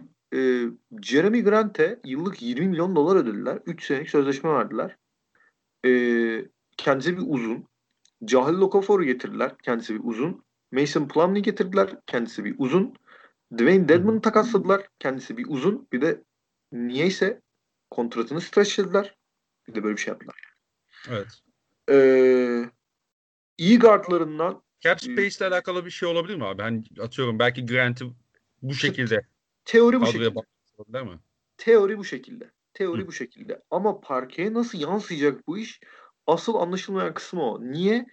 Çünkü Bruce Brown diye kendilerini çıkarıp kendileri parlattıkları savunmacı bir uzunları vardı. Takasladılar, gönderdiler. Christian Wood diye yine NBA'de birçok yer dolaşıp Detroit Pistons da kendini göstermeyi başarmış bir şutör uzunları vardı ve gerçekten potansiyeli çok yüksek bir oyuncu gibi gözüküyordu. Hem şut sokuyordu hem içeriden üretiyordu. Korkunç bir skor gücü. Aynı zamanda Topla çok at... girebiliyordu. Efendim? Abi topla içeri gire, girip evet, evet, falan evet. mahvettiği maç falan var yani. Evet yani çok yani çok skorer bir oyuncu. Yani ben hatırlıyorum bir ara gelene geçene 25 atıyordu yani. Böyle saçma sapan bir durum vardı. Herkes onu tutacaklarını düşünüyorken sign and trade yapıp Houston'a yolladılar. Hani hani tutabilirlerdi de. Yani Hı-hı. teori şu şekilde. E, Dwayne Dedman'ı oynatmayacaklar. Jahlil Okafor'u da pek oynatmayı düşünmüyorlar. Sadece denemek için aldılar. Jeremy Grant'i 3-4'te deneyecekler ve Jeremy Grant'i de aynı parayı teklif etmiş Denver Nuggets ve ona rağmen gitmiş. E, Jeremy Grant'te daha iyi bir hücum oyuncusu potansiyeli görüyorlar. Bir şekilde. e, Mason Plumlee'yi Blake Griffin'in yanına görev adamı olarak dikecekler. Topu Derrick Rose'a teslim edip Killian Hayes'i de kenardan getirerek pişirmeye başlayacaklar yani. Teori bu şekilde. Kulağa geliyor. Kulağa bir şekilde geliyor ama yani en büyük soru işareti takımla ilgili kim şut sokacak? Yani çünkü birilerinin çok fazla top istemeyip dışarıdan oynayarak şut sokması gerekiyor. Yani NBA artık böyle bir yer oldu. Svi Mikhailuk belki bunu biraz yapabilecek bir oyuncu. Sekou Dumbuya pek öyle bir oyuncu değil. Çok öyle bir şutör kumaşı yok. İşte Wayne Ellington'ı getirdiler. Burada çok verimli şut attığı bir sezon vardı yanlış hatırlamıyorsam. Oradan zaten böyle bir ara herkes bütün şampiyonluk adaylarının istediği şutör oluyor ya her yıl. Evet. Ona evet. dönüşmüştü. Zaire Smith'i takasladılar. Zaire Smith'i basketbol sahasında görmek nasip olmadı Philadelphia'daki sakatlık hikayeleri yüzünden. Korkunç sakatlıklar geçirmiş bir oyuncu. Çok şanssız bu konuda. Ee, Bak o hamleyi o... ben beğendim açıkçası bu arada. Hı? Ben de, yani o hamleyi beğendim bu arada. Zaire Smith gel bir, bir, bir baka biz bir de biz bakalım dersin mesela böyle bir şeye. Böyle bir oyuncuya. Tamam tamam. Yani iyi hoş da e, yani neredeyse NBA'de hiç basketbol oynamamış bir oyuncudan söz ediyoruz yani. Hani neye bakıyorsun tam olarak? Neye baktığını biliyor ama, ama şöyle ama şöyle Detroit sen mesela Josh Jackson aldılar ya Hı-hı. bir de. Evet. Mesela Josh Jackson tamam yani çok arıza, çok sıkıntılı bir adam vesaire. Hepsini okey. Ama Hı-hı. Detroit olan şunu yaparsın mesela. Ulan bu adam 2 sene 3 sene önce 4. sıradan gitti. Yani çok... E, tabii canım evet doğru. Ama işte bütün soru gelip şuna bağlanıyor abi. Ya bir yandan Blake Griffin'e max ödüyorsun. Diğer taraftan Derek Rose'u tutuyorsun. Bu taraftan Killian Hayes'i alıyorsun. Öteki taraftan Jeremy Grant'e abi sen ben sana daha çok hücumda yer vereceğim deyip takıma getiriyorsun. 20 milyon dolar ödüyorsun. Toplamda 60 milyon dolar bağlıyorsun. Tamam. Öteki taraftan Mason Plumlee'yi getiriyorsun. Ona da yıllık bir 8,5 milyon dolar bağlıyorsun. Onun da 3 yıl güzel bir kontratı var. Yani geleceğe mi oynuyorsun? Şimdi mi kazanacaksın? Na, Ya na, ne yapacaksın? kadarıyla- ne yapıyorsun yani? Hedefin nedir yani? Anladığım kadarıyla, anladığım kadarıyla e, birkaç tane deneme yanılma iş yapmak istedi GM'leri. İşte bu Josh Jackson öyle bir şey kumar bence. Hani çok kumar da denemez. Yani çok inanılmaz bir kontrat yok sonuçta. Zaire Smith öyle bir isim. Bir yandan bence geleceğe yatırım yapıyorlar işte hani zaten Kylian Hayes aldılar işte hani Isaiah Stewart'un neden buradan gittiğini ben anlayamadım ama demek ki bir şey gördüler yani. İşte Sadık Bey aldılar. Üç tane birinci turlar vardı zaten bu şeyde. İşte Ya bir, de o, bir de o var. Bir de o var ha bu arada. İlk, ilk turdan 3 tane de seçim yaptılar yani bütün bu keşmekeşin içinde. Ya Yani- anlaşılmayan şey bu tam olarak. Hı. Yani çok fazla şey ekleniyor takıma. Yani hangi biri kullanılacak bunların? Ee, yani o, o bir soru işareti. Ha- hangi biri bunların işe yarayacak ya? Hangi biri yaramayacak? Delon Wright da var mesela. Delon Wright da yani dümdüz bomboş bir oyuncu falan değil. Yani Değil. görev adamı olarak yani Abi bu takımla alakalı benim böyle kadroya baktıkça şey enteresan geliyor mesela. İşin savunma kısmına bakıyorum. Mesela işte Killian Hayes 6-5 boyunda. İşte Dylan Wright fizikli bir guard. Zaire Smith iyi savunmacı bir guard. Yani Jeremy Grant yani 3 4 geri geldiğinde 5 pozisyon dahi savunabilen bir oyuncu. Ee, işte Ma- Mason Plumlee savunmada sana belli başlı sertlik getirir. İşte e, bir şeyler katar. İşte Rodney McGruder iyi bir görev adamı vesaire. Yani benim anladığım kadarıyla işte Sadık Bey de iyi bir savunmacı, kanat işte vesaire. olması Benim anladığım- bekleniyor diyelim. Heh, yani olması bekleniyor işte. Villanova'da böyle bir çocuktu. Ee, benim anladığım kadarıyla yani Detroit bir yandan hem biz geleceğe yatırım yapalım ama bunu yaparken de bugün de kötü alışkanlıklar değil iyi alışkanlıklar yaparak bunu taşıyalım diyorlar ama işte hani Blake Griffin ve Derrick Rose Blake Griffin var takımda. Max'lı. İşte. evet Derrick Rose var takımda. Yani hani Ya anladığımız kadarıyla Detroit bugün böyle kötü yani kay- kaybetmek, kötü kaybetmek istemiyor abi. evet. Playoff yapabilirsek de 8'den yapalım diyorlar. Benim çöz anladığım bu.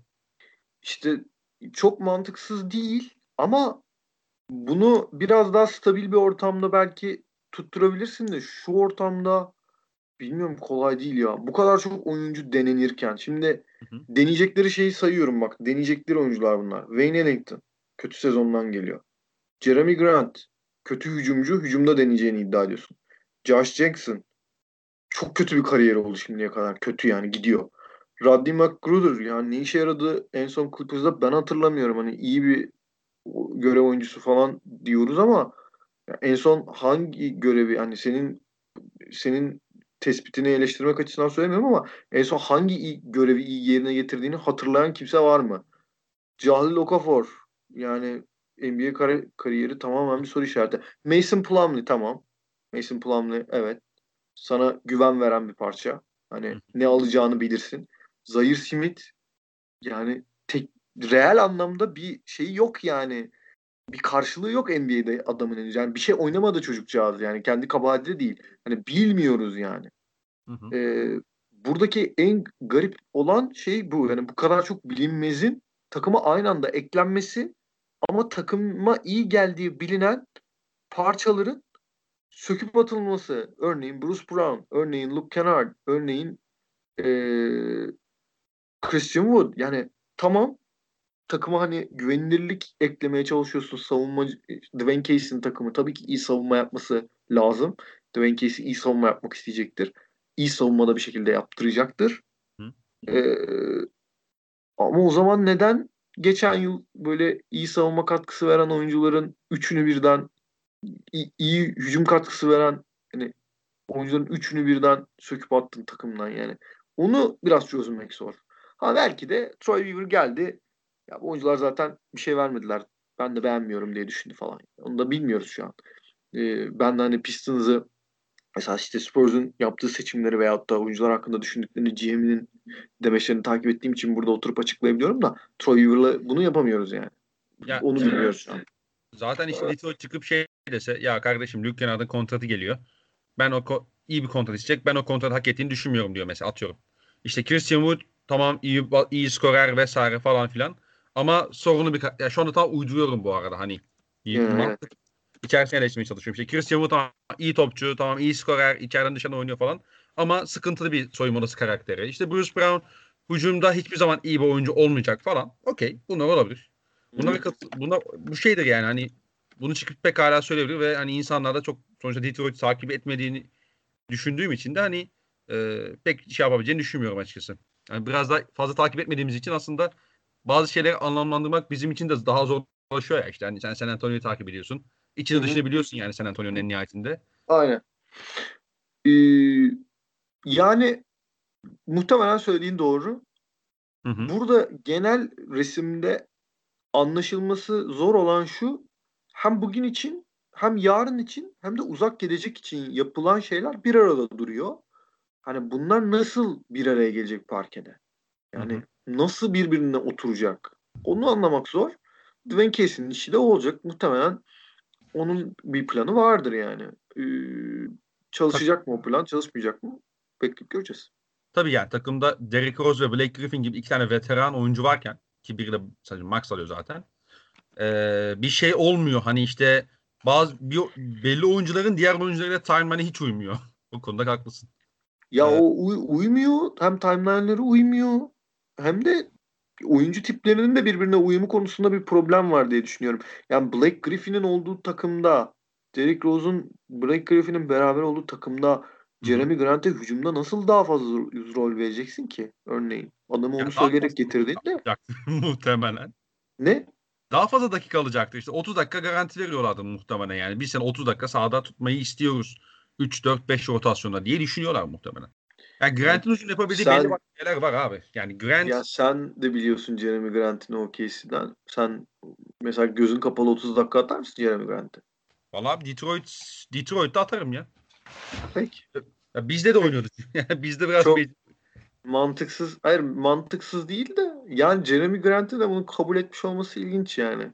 Hı hı. Kal abi Denver'da savunma oyuncusu olarak 20 milyon dolarını da seni çıkarmışlar vermişler.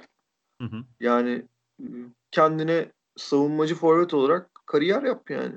Yani o 15, 15 yıl sonra çalarlar kapını ya. NBA artık o hale geldi yani. Ya, yalansa yalan da. Ya tabii canım. Abi Iga, Iguodala'nın Iguodala'nın arka Iguodala'nın peşinden 5 takım geldi ya. Yani Yani adam, adam boksör olacak halde yani şu an. bütün sezon şey dinledik biz. İşte takas olana kadar. İşte Iguodala kime gidecek? Çok belirleyici olacak bu falan diye bekledik. Yani Miami'de çok da bir Boston tabii 6. maçı var. Yani işin kaderini değiştirdi ama.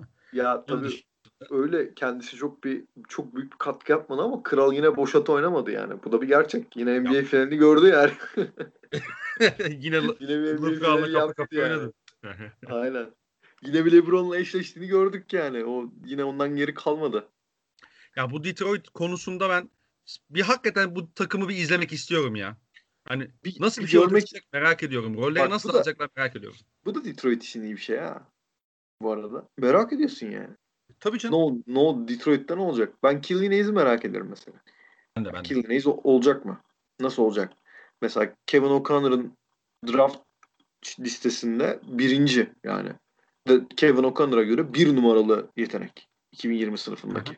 Evet. En yüksek tavanlı yetenek. Bakalım öyle mi? Göreceğiz. Bu da bir şeydir yani. Tabii. Ya işte şey Derek Rose'u belki sezon içerisinde takalı, takaslayacaklar. İşte Blake Griffin'i parlatıp işte başka bir takıma çakabilir miyim düşüneceklerdir muhtemelen. Hı hı. Ki Blake Griffin de hani tabii ki bunlar bu haberler her zaman kalmamak gerekiyor. Hani biraz böyle her sene çıkar bu haberler ama çok çok sağlıklı bir şey geçirmiş. Hiç olmadığım kadar iyi hissediyorum kendimi falan demiş galiba. Ya abi Ee, iyidir ya. iyidir. iyidir İyidir yani. de iyidir de Blake hocam 72 maçlık NBA sezonu hiç olmadığı kadar kısa bir sürede oynanacak. Senin o cefa, cefaker dizlerin 4 günde 3 maçı kaldırabilecek mi acaba hocam? Ya inşallah abi Blake Griffin çok keyifli basketbolcudur. Keşke e, sağlıklı kalabilse ve eski günlerdeki gibi e, uça uçsa kaçsa. Ya bunu da çok isteriz NBA izleyicisi olarak ama çok Hı hı. iyimser şeyler bunlar yani. O, tabii ki oyuncu iyi hissedecek, he- hedef hedef hedeflerle girecek, büyük düşünecek. Özellikle Blake Griffin gibi bir oyuncunun onun kendi yeteneklerinden vazgeçmesi imkansız yani. Hı. Çıktığı noktalardan sonra. NBA, yani Blake Griffin bir ara NBA'in yani 3 sezon üst üste filan MVP aday 3 MVP adayından bir tanesiydi. 5 hadi 5 MVP adayından bir tanesiydi yani o seviyelerdeydi yani.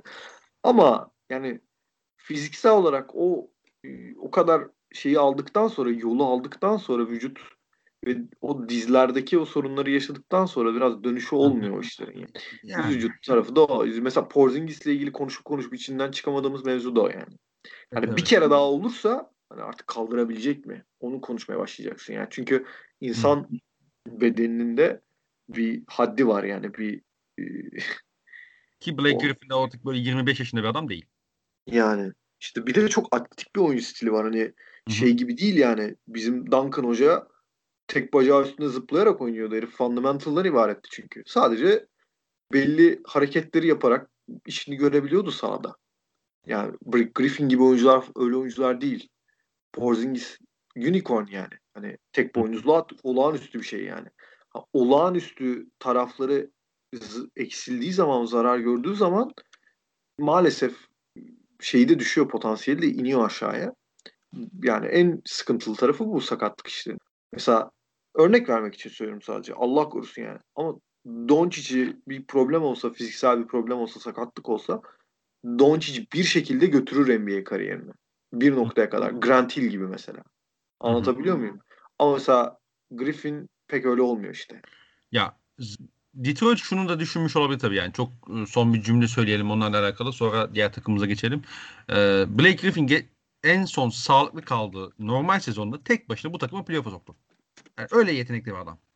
Şimdi bunun etrafına daha iyi rol oyuncuları dizersek biz işte Killian Hayes'ten biraz o potansiyelin bir kısmını alabilirsek falan diye düşünüp yine playoff'a şöyle bir e, kafalarını çıkartacaklardı muhtemelen. Böyle bir beyler bakalım 7. 8. sıradan girebilecek miyiz? Hani ya da işte o play'ini oynayabilecek miyiz diye bakacaklardı muhtemelen. Doğu hiç kimsenin ben playoff'u istemiyorum diyemeyecek kadar zayıf durumda bence. Yok be. Abi 8 8'e kadar biraz kapalı değil mi o iş? Ben öyle düşünmüyorum ya. O kadar da değil. Ya şöyle işte Boston 1, Miami 2, Toronto tamam. 3, tamam. E, Bucks 4, Nets 5, e, Pacers 6. 6. Birini unuttum ben şu anda. Birini unuttum ben. Geçen sene vardı. Philly. Philly 7 diyelim. Philly. Heh tabii Philadelphia abi. 8. sıra açık. 8 açık işte. İşte orada da play'in var. O play'ine işte o 7, 8, 9, 10 oraya tamam. burnunu sokmaya çalışacak. Pekala 4-5 takım çıkar herhalde. 8'den 10'a kadar açık işte ya. Ya yani. açık canım. O, o bir spot açık evet. O bir spot açık. Katılıyorum. E bir Hatta de şöyle bir şey vardır. Bir de Hat- şöyle bir şey vardır. Sörbe her sene çok iyi olacak dediğim bir takım olmaz yani. Ya, Vardır yani. Ben Yeni takım sersin 6 olur yani o. Hep 6 olur yani. Ya ben Pacers'ın ciddi manada e, hani ivme kaybedeceğini düşünüyorum. Zaten Bubble'da çok iyi geçirmediler. Yani zaten playoff'ta süpürdüler şey de. Hani Oladipos bir kaos var mı yok mu? İşte önce var dendi sonra yok öyle işte e, öyle bir durum yok dediler falan pişman ama böyle durumlar o, genelde takımlar... vazgeçti. Baktı ki, baktı ki piyasası yok vazgeçti. Heh. İşte böyle durumlar baktı ki, baktı ki Miami o... gelmeyecek vazgeçtim dedi işte. Yani. Yok öyle bir şey dedi. Şey, şey, şey yapmış işte. Petrali'ye gitmiş. Başkanım sizin için demiş. Yok yok evladım sen takım demiştir herhalde. Petral demiştir ki sene, seneye geldi. Seneye bakarız demiştir. Yani sen bir top oyna bir senede. Sene Sonra bak. Sene bekle demiştir. Abi dördüncü takımımız doğudan yine Milwaukee Bucks. Onların e, çok inanılmaz böyle şey olmadı aslında özellikle tabii ki e, Bogdanovic işinde yapmasıyla birlikte. E, biraz şey oldu böyle hani kekremsi bir tat bıraktı o iş. NBA tarihinin en garip e, olaylarından transfer olaylarından birini yaşadılar. Ya ben onu ben abartılı abartılı bir söz değil bence bu. Ya ben onu fiyasko olarak yorumlayabilirim ya şeyi. Çok Abi büyük, yani büyük bir felaket. Çok büyük bir felaket işte yani. Çok felaket, fiyasko, felaket, skandal birçok şey söylenebilir yani. Aynen öyle. Hmm, bunun haricinde e, Drew Holiday eklediler. Bunun için sağlam bir bedel ödediler. Ben sana şöyle bir soru sorarak e, pas atayım Milwaukee ile alakalı. Sor abi. geçen sezonki problemlerine ne kadar çözüm ürettiler? Bence sormamız gereken soru bu Bucks'la alakalı. Geçen sezonki bir numaralı problemleri takımda yaratıcı, oyun kurucu e, tehdidinin seçeneğinin neredeyse olmamasıydı. Değil mi? Evet. Drew Holiday bu probleme birazcık çare olabilir. Bunun dışında ben çok da öyle bir şey yaptıklarını düşünmüyorum. Yani bu problem hakkında. Ee, Bogdanovic ekleseler şunu söyleyebilirdik. Abi hem Drew Holiday'i eklediler hem Bogdanovic eklediler. Hem atıyorum işte pazardan şöyle bir oyun kurucu eklediler. Hem işte forvete şunu eklediler. Bunu ekledi. Yani tamamen bundan sonrası şey teori. Ee, bayağı sağlam oldu. Yani bayağı bir şeyler değişti diyebilirdik. Şu an çok fazla şeyi değiştirmiş durumdalar. Ama çok da bir şey ekleyememiş gibi duruyorlar. Bu çok kötü bir ikilem Bucks için. Çok can sıkıcı yani. Yani hı hı. düşündüğün zaman Eric Bledsoe gitti, George Hill gitti, Ersan İlyasova gitti, Kyle Korver gitti, Robin Lopez gitti, Wesley Matthews gitti. Ya bu, bütün bu oyuncular bir şekilde Bucks'ın geniş rotasyonunun parçasıydı yani. Geniş bir rotasyonunda da oynuyorlardı. 6 oyuncu saydım yani. Bunu, bunları da oynatıyorlardı. Şimdi oynatmıyor da değillerdi yani. Sezonun bir bölümünde bir şekilde oynadı bu oyuncular. Tabii. Şimdi gelenler de var. Doğal olarak bu kadar oyuncu gidince birileri de geliyor. E, gelenler DJ Augustin ya evet yani oyun kurucu olarak ve yaratıcı olarak artı. Ama onun dışında herhangi bir konuda artı mı bilmiyorum. Yani zannetmiyorum. Tory Craig savunmacı olarak bir artı. Diğer herhangi bir konuda bir artı mı bilmiyorum ve olacağını da zannetmiyorum. Bobby Portis niye denedikleri büyük bir soru işareti. Niye deniyorlar bu oyuncuyu yani? Ee, Brin'i getirdiler. Brin Forbes'u ben iyi biliyorum oyuncu olarak. Şutör olarak getirdiklerini. Eminim şutör olarak kullanacaklarını. Eminim e, Baden-Hazır Hoca da iyi tanıyordur. Bizim çünkü Spurs takımında çok uzun süredir oynayan G-League G-League'de falan 2-2,5 yıllık kariyeri olan bir oyuncu Forbes. NBA kariyerinin haricinde. Hani onu iyi kullanabilirler. Eksiğini, fazlasını, gediğini iyi biliyorlardır. Ama onun dışında ya şu oyunculardan Drew Holiday hariç ya şunu da sahaya atarlar da şunu alırlar kesin dediğim bir tane oyuncu yok ya. Gelenlerin içinde. Hı hı.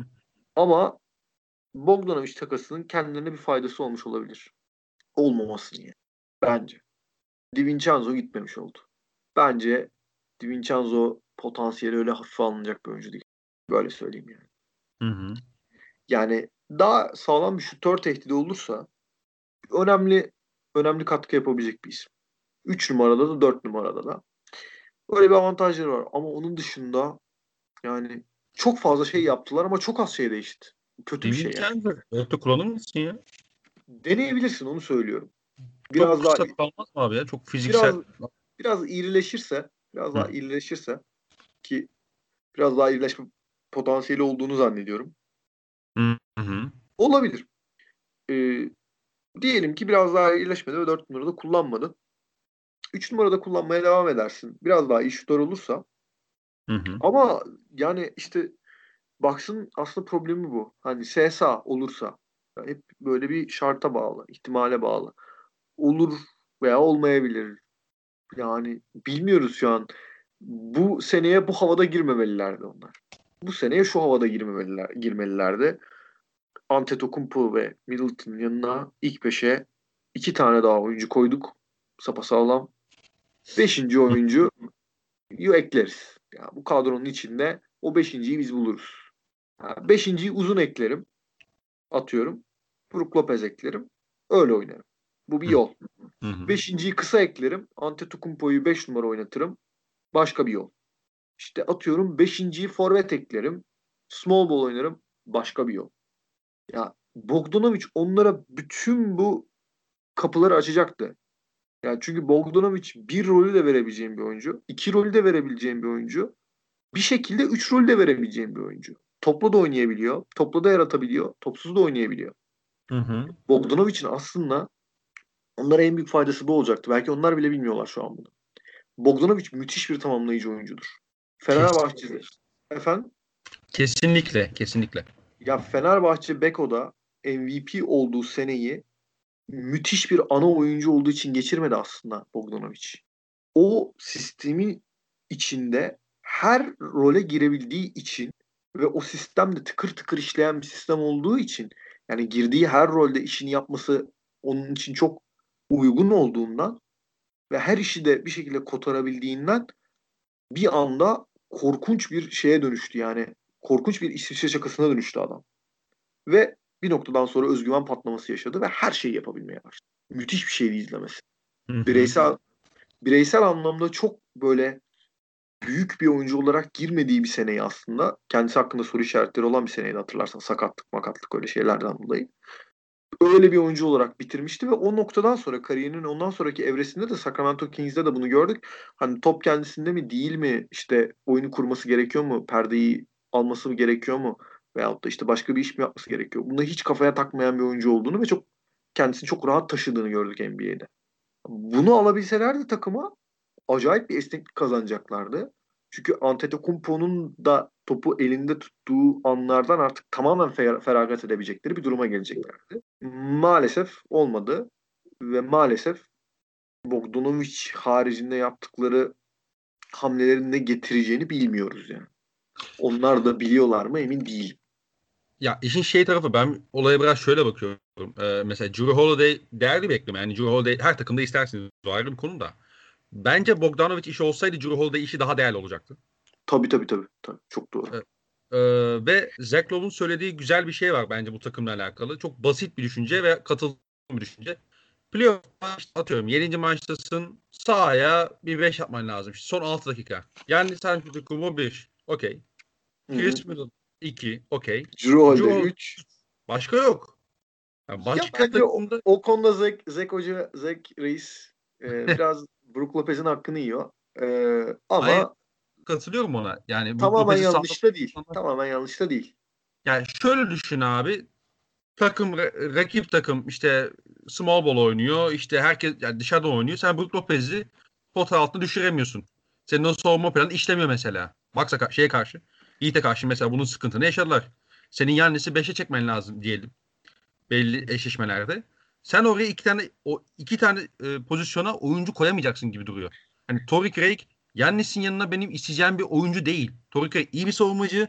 Tamam toplu oyunda da iyi savunmacı. Topsuz oyunda da işte alanı daraltır vesaire ama hücumda topu yere vuramaz. Şutu sıkıntılıdır. Hücumda hiçbir şey yok abi. Net Aynen abi. Hiçbir şey yok. Aynen.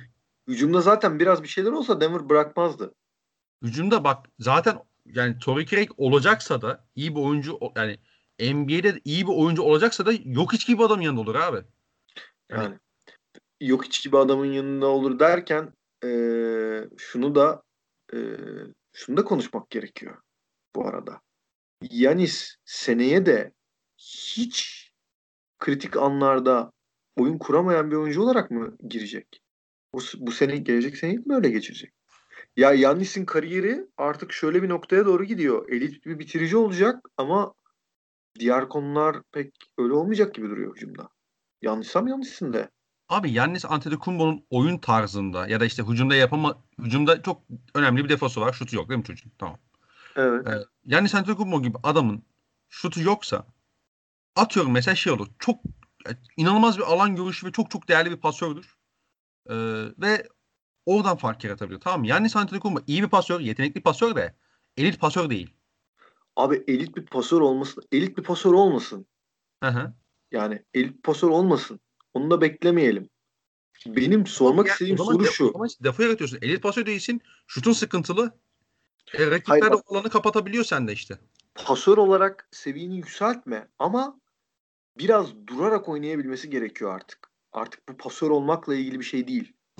Artık e, basketbolda biraz daha alanları iyi, iyi okuyabilmesi lazım. Bu temel bir mesele. Yani bu artık pasörlük kabiliyetiyle ilgili bir konu değil. Biraz daha hamleleriyle oynayabilmesi gerekiyor Yannis'in. Yani biraz tehditleriyle oynayabilmesi lazım.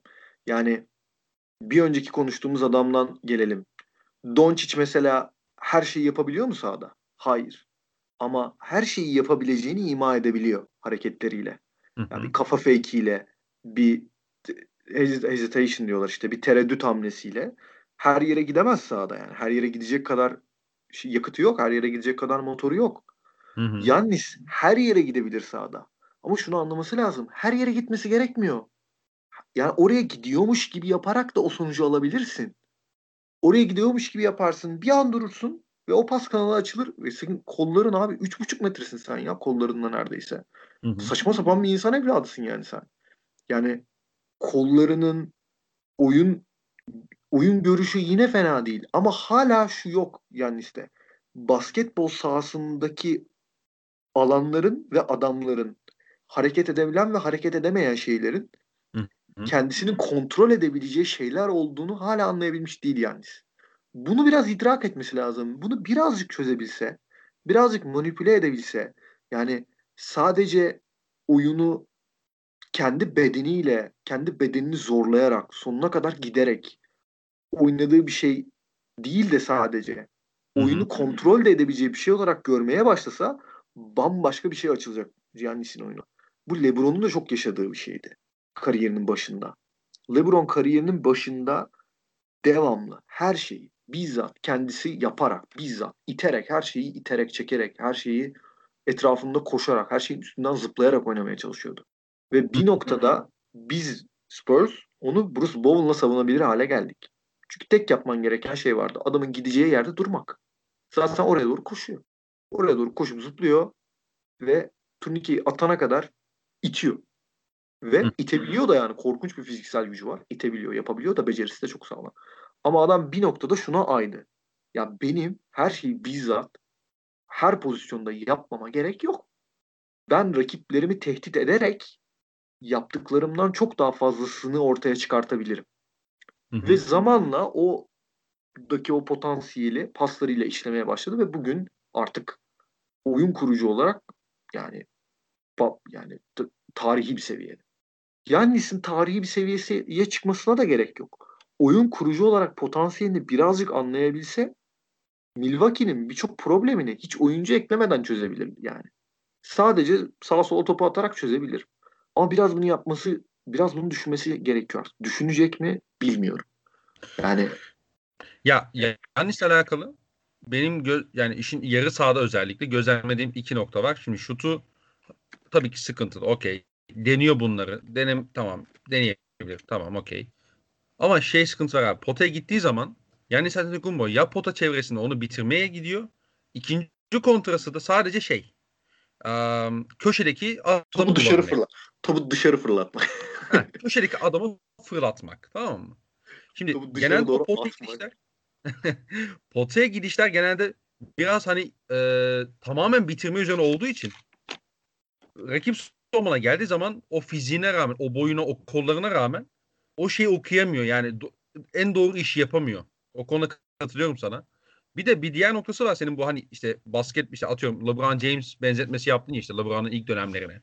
Mesela abi Giannis Antetokounmpo ya Budenholzer eleştirildi. Bu, bu konudaki eleştirilere hani kısmen katılıyorum ben de ama abi Giannis Antetokounmpo'yu sahada 40 dakika barındıramıyorsun. Adam o kadar eforlu oynuyor ki her pozisyonu. Yoruluyor abi. Onu görüyorsun yani. Zaten yorulduğu için Budenholzer onu o kadar uzun süre işte 42-43 dakikalar veremiyor. Kal kalamıyor çünkü sahada. O her pozisyonda inanılmaz efor sarf ediyor. Yani biraz daha enerjisini e, dengeli kullanmak zorunda. Biraz daha onu çözmek zorunda yani bence Giannis Antetokounmpo. İşte Öyle bir sıkıntısı da var. Ee, Yani benim- benim- benim anlattığım benim anlattığım mevzu da aslında buraya çıkıyor. Aha. Ya çünkü sahada her şeyi yap- yapmak üzerine kurulu bir oyunu var. Her şeyi yapmasına gerek yok. Her şeyi yapmasına gerek yok. Hiçbir oyuncunun her şeyi yapmasına gerek yok yani. Yapamazsın da zaten. Yani hani meydan okumak istemiyorum kendisine ama yani hani olacak iş değil pek yani. Ya işte bilmiyorum. Bakalım. Ee, ya şimdi düz mantık Bledsoe'nun yerine Drew Holiday eklemesi onlara bir upgrade edi- getirecektir tabii ki. Yani sonuç olarak Bledsoe Daha Hem o konuda da o kadar. Ya bir şey soracağım abi. Drew Holiday niye bu kadar önemli bir oyuncu olarak görülüyor? Sadece soruyorum. Ya Drew Holiday- Pelicans, Pelic, Pelic, kaç senedir Pelicans'da bu adam? Wow, çok güzel. O 2014'te falan mı geldi? 2013'te mi geldi? Yani o kadar süredir falan orada yani. Hı hı. Yani bu sürede Pelicans'ı bir yerden alıp bir yere götürdü de ben mi görmedim? Ben ben mi beni mi es geçti bu olay? Ciddi soruyorum yani.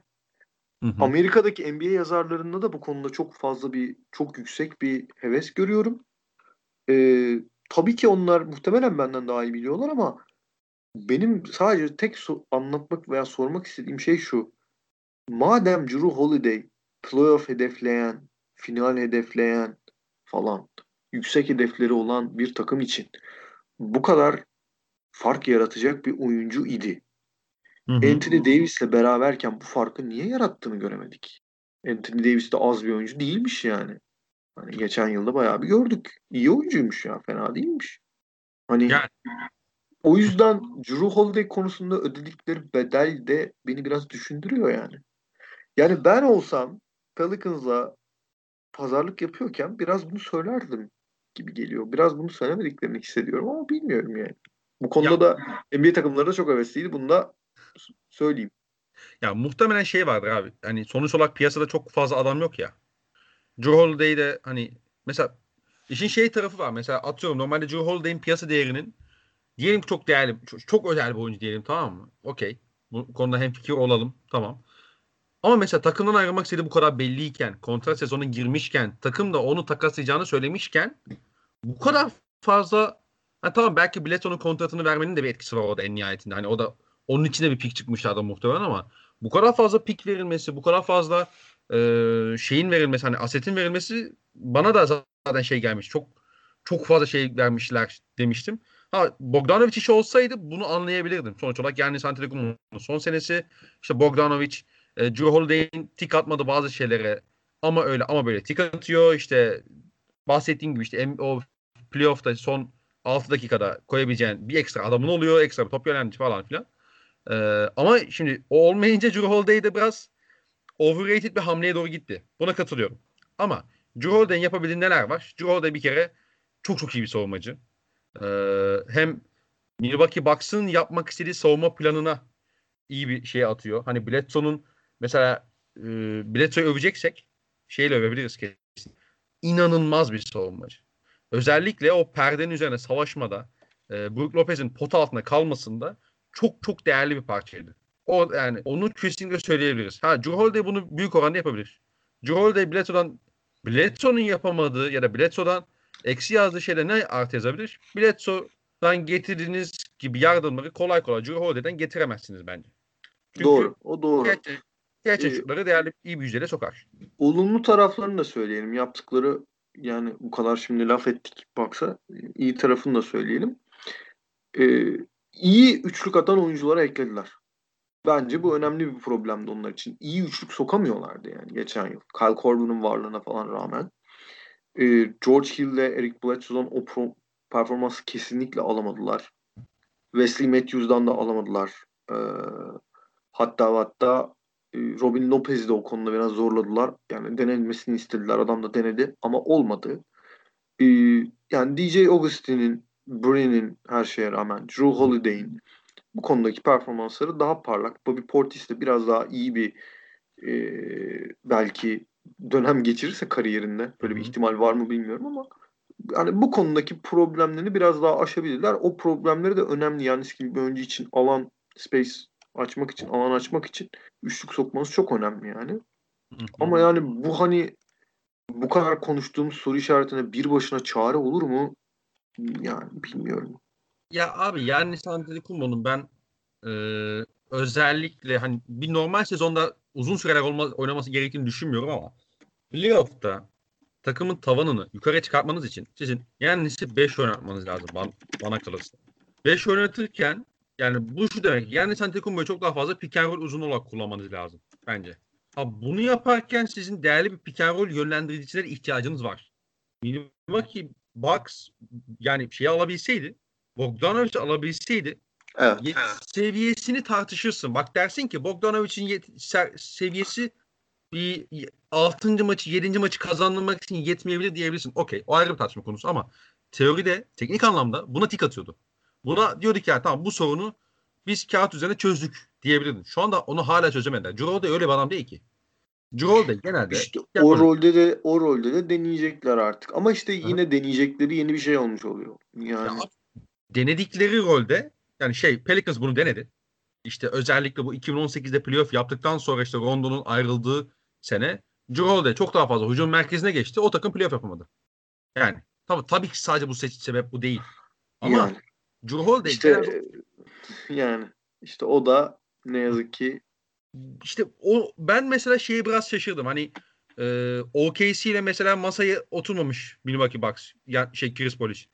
Halbuki yani ben kendi adıma söylüyorum. Yani tabii ki bu doğrudur demiyorum ama yani kesin doğru demiyorum ama sonuç olarak yani Chris Paul çok fazla problemini çözer daha bence şeyin Bucks'ın. Chris Paul'ü bence de düşünmeleri gerekiyordu ama niye düşünmediklerini bilmiyorum. Yani bir Benim de bir şeyim yok. Yani Chris Paul'ün ben ben ya Bucks'ta oynamak istemiyorum diyeceğini düşünmüyorum kesinlikle. O- Chris Paul'un artık herhangi bir NBA franchise'ına ben burayı istemiyorum diyeceğini ben de zannetmiyorum. Ama Ama yani yok Ee, Bucks'a e- ekstra şey. Çünkü direkt bana hani OKC'den işte OKC'ye Bledsoe'yu çakıp şey yanına piknik falan verip Chris Paul'u alsalardı benim gözümde birinci şampiyonluk adayı olurlardı. Yani benim düşüncem. Yani kağıt üstünde çok mantıklı. Niye olmadı veya niye olmasını istemediler? O soruyu yanıtlamak çok zor. Hı hı. Ama bir yandan da bilmiyorum ya. Acaba Chris Paul'ü savunmada bir eksi olarak mı gördüler? Veyahut da daha fiziksel olarak hani eksiksiz bir hani Bogdanovic planı vardı sonuçta. Hani Evet. aslında hep bunu düşünerek birazcık hareket etmemiz gerekiyor bu hesabı yaparken. Chris Paul'ü niye almadılar hesabı. Sonuçta hem Bogdanovic'i hem Drew Holiday'i getiriyorlardı aslında. Getirmişlerdi yani aslında. Oysa Chris Paul'ü getirirseniz ikisini birden getiremezsiniz. Çünkü adam 40 milyon dolar tek başına falan. Onu da unutmamak gerekiyor bence. Ama onu bir şekilde çözme durumları olabilirdi. Gel bilmiyorum. Hani sonuç olarak şey e, o Chris Paul'ün kontratı tabii çok yüklü bir kontrat olduğu için belki o Bir de bir şey- de hocam şey- Sam, Sam Hoca'yla takas yapmak biraz zor iş ya. Her istediğini, her istediğini almadan bilmiyorum kalkmıyor gibi masalar Zor. sanki. Bilmiyorum yani. Ee, dolayısıyla ben Bucks'ın hala böyle e, sezonu işse- sezonu içerisinde yani onları izlediğimizde en iyi dönemlerinde bile hep bir bir soru işaretiyle sezon sonuna kadar izleyeceğimizi düşünüyorum. Ama Bucks'la alakalı şöyle bir durum var. Ben bunu Clippers için de düşünüyorum. Bu seneye algı olarak en azından favori konumuna girmiyorlar. Ya o Biraz- bir avantaj mı diyorsun? Ben bunun bir avantaj olduğunu düşünüyorum. Ha bunlarla yani Bucks'la alakalı en büyük soru işareti şu. Yannis Antetokounmpo kontrat imzalayacak mı? İmzalamayacak mı? Onun gerginliğini sezon içerisinde yaşayabilirler ve ben hani bu oyuncu istese de istemese de playoff'ta kontratını imza yani kontrat uzatmadığı sürece o playoff'ta şey olabileceğini düşünüyorum. Hani ulan zaten kontratın bitiyor ya kafa olarak gelebileceğini düşünüyorum. Böyle bir endişe bence e, hani Yannis böyle bir oyuncu olmayabilir ama hani pekala bir yerden sonra lan ben bu yapıdan bir şey olmayacak. Kontratım bitiyor. Kafasına gelebilir yani mesela playoff'un çok kritik bir yerinde. Yani. Bunun Ee, örnekleri gördük vakti zamanında NBA'de. Bir de şöyle bir şey var. Ee, yani yani Antetokounmpo'nun kesinlikle favori olarak girmek istediği bir sezondu bu. Bu kadar belirsizlikle başlamaları iyi bir şey değil. Bu konu içinde hiç iyi bir şey değil. Yani. Ki zaten işte Bogdanovic'le oynamak istediğini, çok istediğini hatta Bogdanovic'in e, ikna edilmesi konusunda e, çaba gösterdiğini, etkili olduğunu falan hepsi bilinen şeyler şu an. Yani hem parkede hem de parke dışında kendilerine zarar verecek bir mevzu olacak Bogdanovic'in gelememiş olması. Bu kesin yani. Bu kesin yani şu an. Ve hani psikolojik olarak hani dedin ya e, net favori olarak girmemeleri aslında onlar için avantaj olabilir. Bence değil abi. Yannis geçen sezonun ortasında LeBron karşısında oynadığı bir maçta tacı kafasına koyuyordu. Hatırlıyorsun değil mi? Tabii tabii şeyler. Milwaukee'deki maçta. hiç böyle beklentilerini düşürerek yaşayan bir adama benzemiyor yani Yannis. O yüzden bir avantaj değil. Yannis'in Yannis'in de beklentilerini yükselterek girmeleri gerekirdi bu sezona. Ya şunun için aslında ben böyle düşünüyorum. O hemen şunu şu- açayım.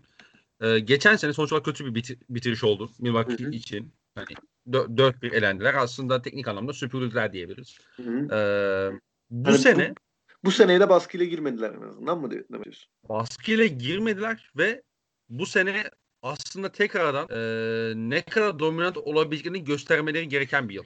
Abi ben sen de tabii ki küçük pazar takımı tutuyorsun. NBA medyasını bu konuda biliyorsun. Hı hı. Ama ben şöyle söyleyeyim sana. NBA medyası NBA'in büyük pazar takımları Bucks'ın kazanması konusunda baskıyı oluşturmak için hiç beklemeyeceklerdir. Hiç öyle kadronun öyleymiş böyleymiş hiç gerek yok böyle şeylere.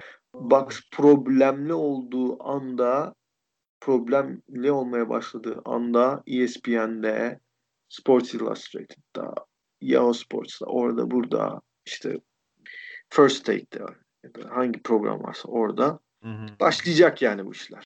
Bucks kazanamıyor. Bucks e, Yannis'in yanına gereken takımı kuramıyor. O zaman nereye gitmeli?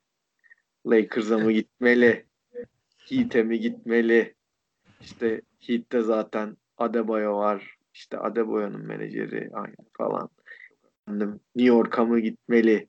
Başlayacak bu işler. Yani Bucks'ın hiç baskı sıkıntısı olmayacak bu sezon. Sen hiç merak etme. Yani. Hiç öyle bir avantajları olacağını düşünmüyorum. E, olabilir. Olabilir. Geçelim abi istersen son takımımıza. Geçelim.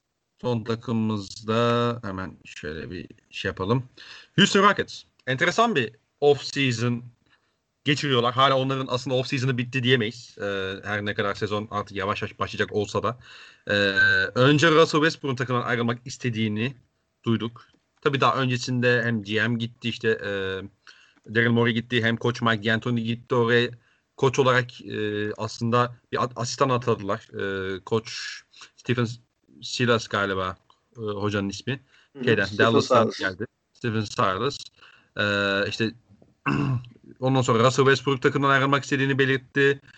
Houston'da işte James Harden'ın e, Brooklyn Nets'e gitmek istediği haberleri düştü. Onlarla alakalı bir takas konuşuluyor vesaire derken e, şu anda ikisi de takımda duruyor. E, oraya değerli bir ekleme yaptılar. Kesinlikle çok değerli bir ekleme Christian Wood. Az önce sen senle de bahsettik zaten Detroit kısmında. DeMarcus Cousins'a bir gel bakalım bir de seni deneyelim e, kontratı verdiler. Bir de Sterling Brown geldi. Hani böyle üzerine duracağımız bir Sterling Brown var. Onun dışında kadroyu koruyabildikleri kadar korudular ve şey takası yaptılar tabii. E, Robert Covington takası yaptılar. Covington evet. Ee, Rockets'ı burada daha çok olanlardan çok olmayanları konuşacağız. Niye? Çünkü e, Rockets bu sezon muhtemelen e, LeBron James ve Giannis haricinde MVP adayının en istikrarlı MVP ödülünün en istikrarlı adayını takaslamak zorunda kalacak. Hı hı. Ee, en önemli konu bu. Russell Westbrook takası olur mu olmaz mı? Russell Westbrook'u isteyecek bir deli NBA franchise'ı çıkar mı çıkmaz mı? O franchise e, Russell için işte Rockets'ın istediklerini verir mi vermez mi? Bunların hepsi büyük soru işaretleri. Yani Westbrook'un Westbrook durup dururken yarın takaslanmış da olabilir. Bu bölüm çıkmadan, bu bölüm yayınlanmadan önce takaslanmış da olabilir. Ee, bu sezonu bitirebilir Rockets'ta. Ee, sonraki sezonu da oynayabilir falan. Bu da olabilir. Ya Rockets'ın asıl meselesi Harden'ın takaslanacak olması ve takaslanacak. Çünkü net şekilde gitmek istediğini biliyoruz. Gitmek istediği takımı da biliyoruz. Ama tek problem var. Ne zaman gideceğini bilmiyoruz ve ne karşılığına gideceğini bilmiyoruz. Ee, bunun dışında yaptıkları eklemelerle ilgili söylenecek çok fazla bir şey olduğunu düşünmüyorum. Hı hı. Çünkü e, ya oynayacakları oyunun ne olacağını tam olarak bilmiyoruz. Ama Stephen, Stephen Silas'ın yaptığı açıklama dört kısa dışarıda e, ya da işte beş kısa dışarıda oynamaya devam edeceğiz gibi bir açıklama. Stephen Silas zaten NBA çevrelerinde bir ofansif e, deha olarak niteleniyor. Dallas Mavericks'in geçen sene NBA rekorlarını kıran verimlilikte e, hücumunun mimarı olarak biliniyor, sorumlusu olarak biliniyor.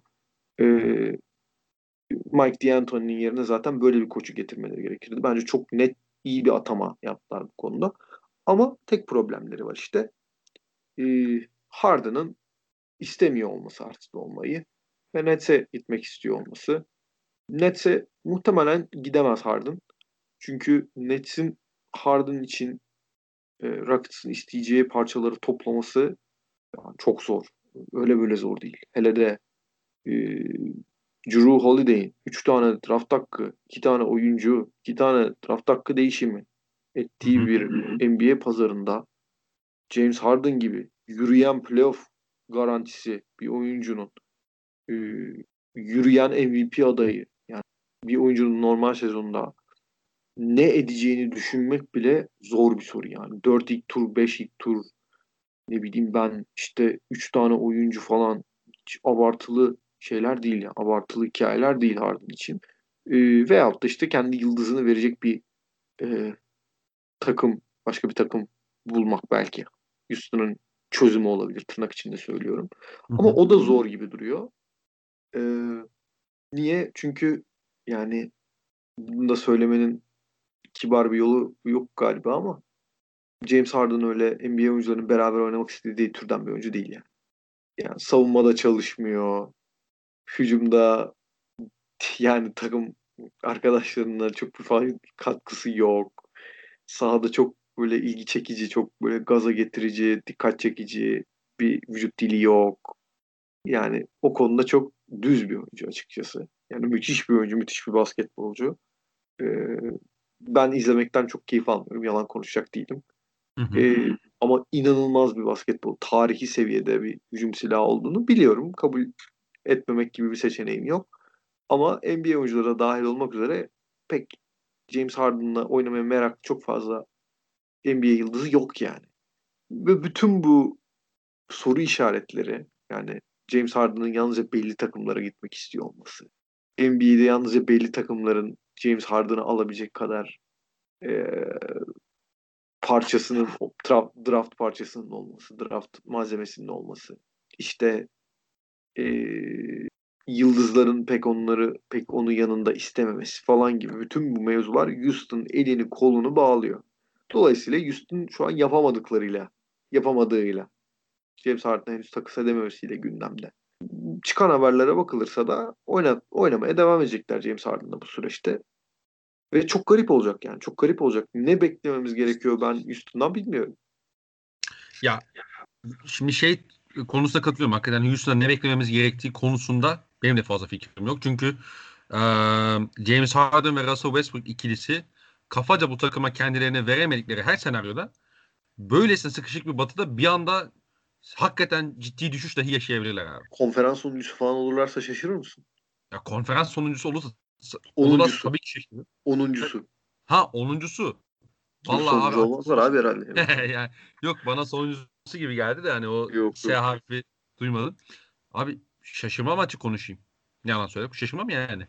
Çünkü her ne olursa olsun her ne olursa olsun evet iki tane süperstar yani süperstar demeyelim de iki tane all-star'ınız var. Tamam ama bu adamlar e, özellikle James Harden bir beden... süperstarı bir de all-star'ı var. Russell Westbrook hakkında bunu söylemek içimi yaralasa da. E, bir süperstarı Russell Westbrook bir de all-star'ı James Harden var. Katılıyorum abi buna. Hala bizden ayrılmış olsa da Russell Westbrook'a karşı olan sevgimiz, saygımız e... ben ben de çok seviyorum. Ediyor. Ben de çok seviyorum Russ'ı ama işte Russ'ın da ne yazık ki sakatlık bagajı var yani. yani ne yazık ki. Hı hı. Yani şunun için söylüyorum. Ee, özellikle James Harden sizi şeyiyle hani sağ içindeki o hal hareketleriyle beden senin de bahsettiğin gibi beden değil hakikaten aşağıda çekebiliyor abi. Mesela Houston çok çöp yani topla çöp e, kar çöp edecektir. İşte Westbrook illa o her ne olursa olsun işte o kötü orta mesafelerini kullanacaktır. İşte Harden o sürekli o step back'e gidecektir vesaire.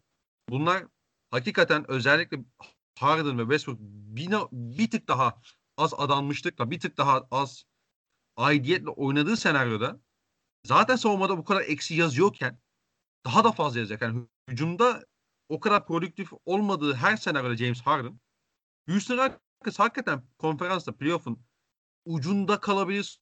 Hakikaten playoff'un dışında bile kalabilir yani. 10. Yani, kalıp 9. 10. olursa gerçekten şaşırmam yani. Biraz hani abartıyor olabilirim ama yani bence de en kötü senaryo olur o. Olması bence düşük ihtimal.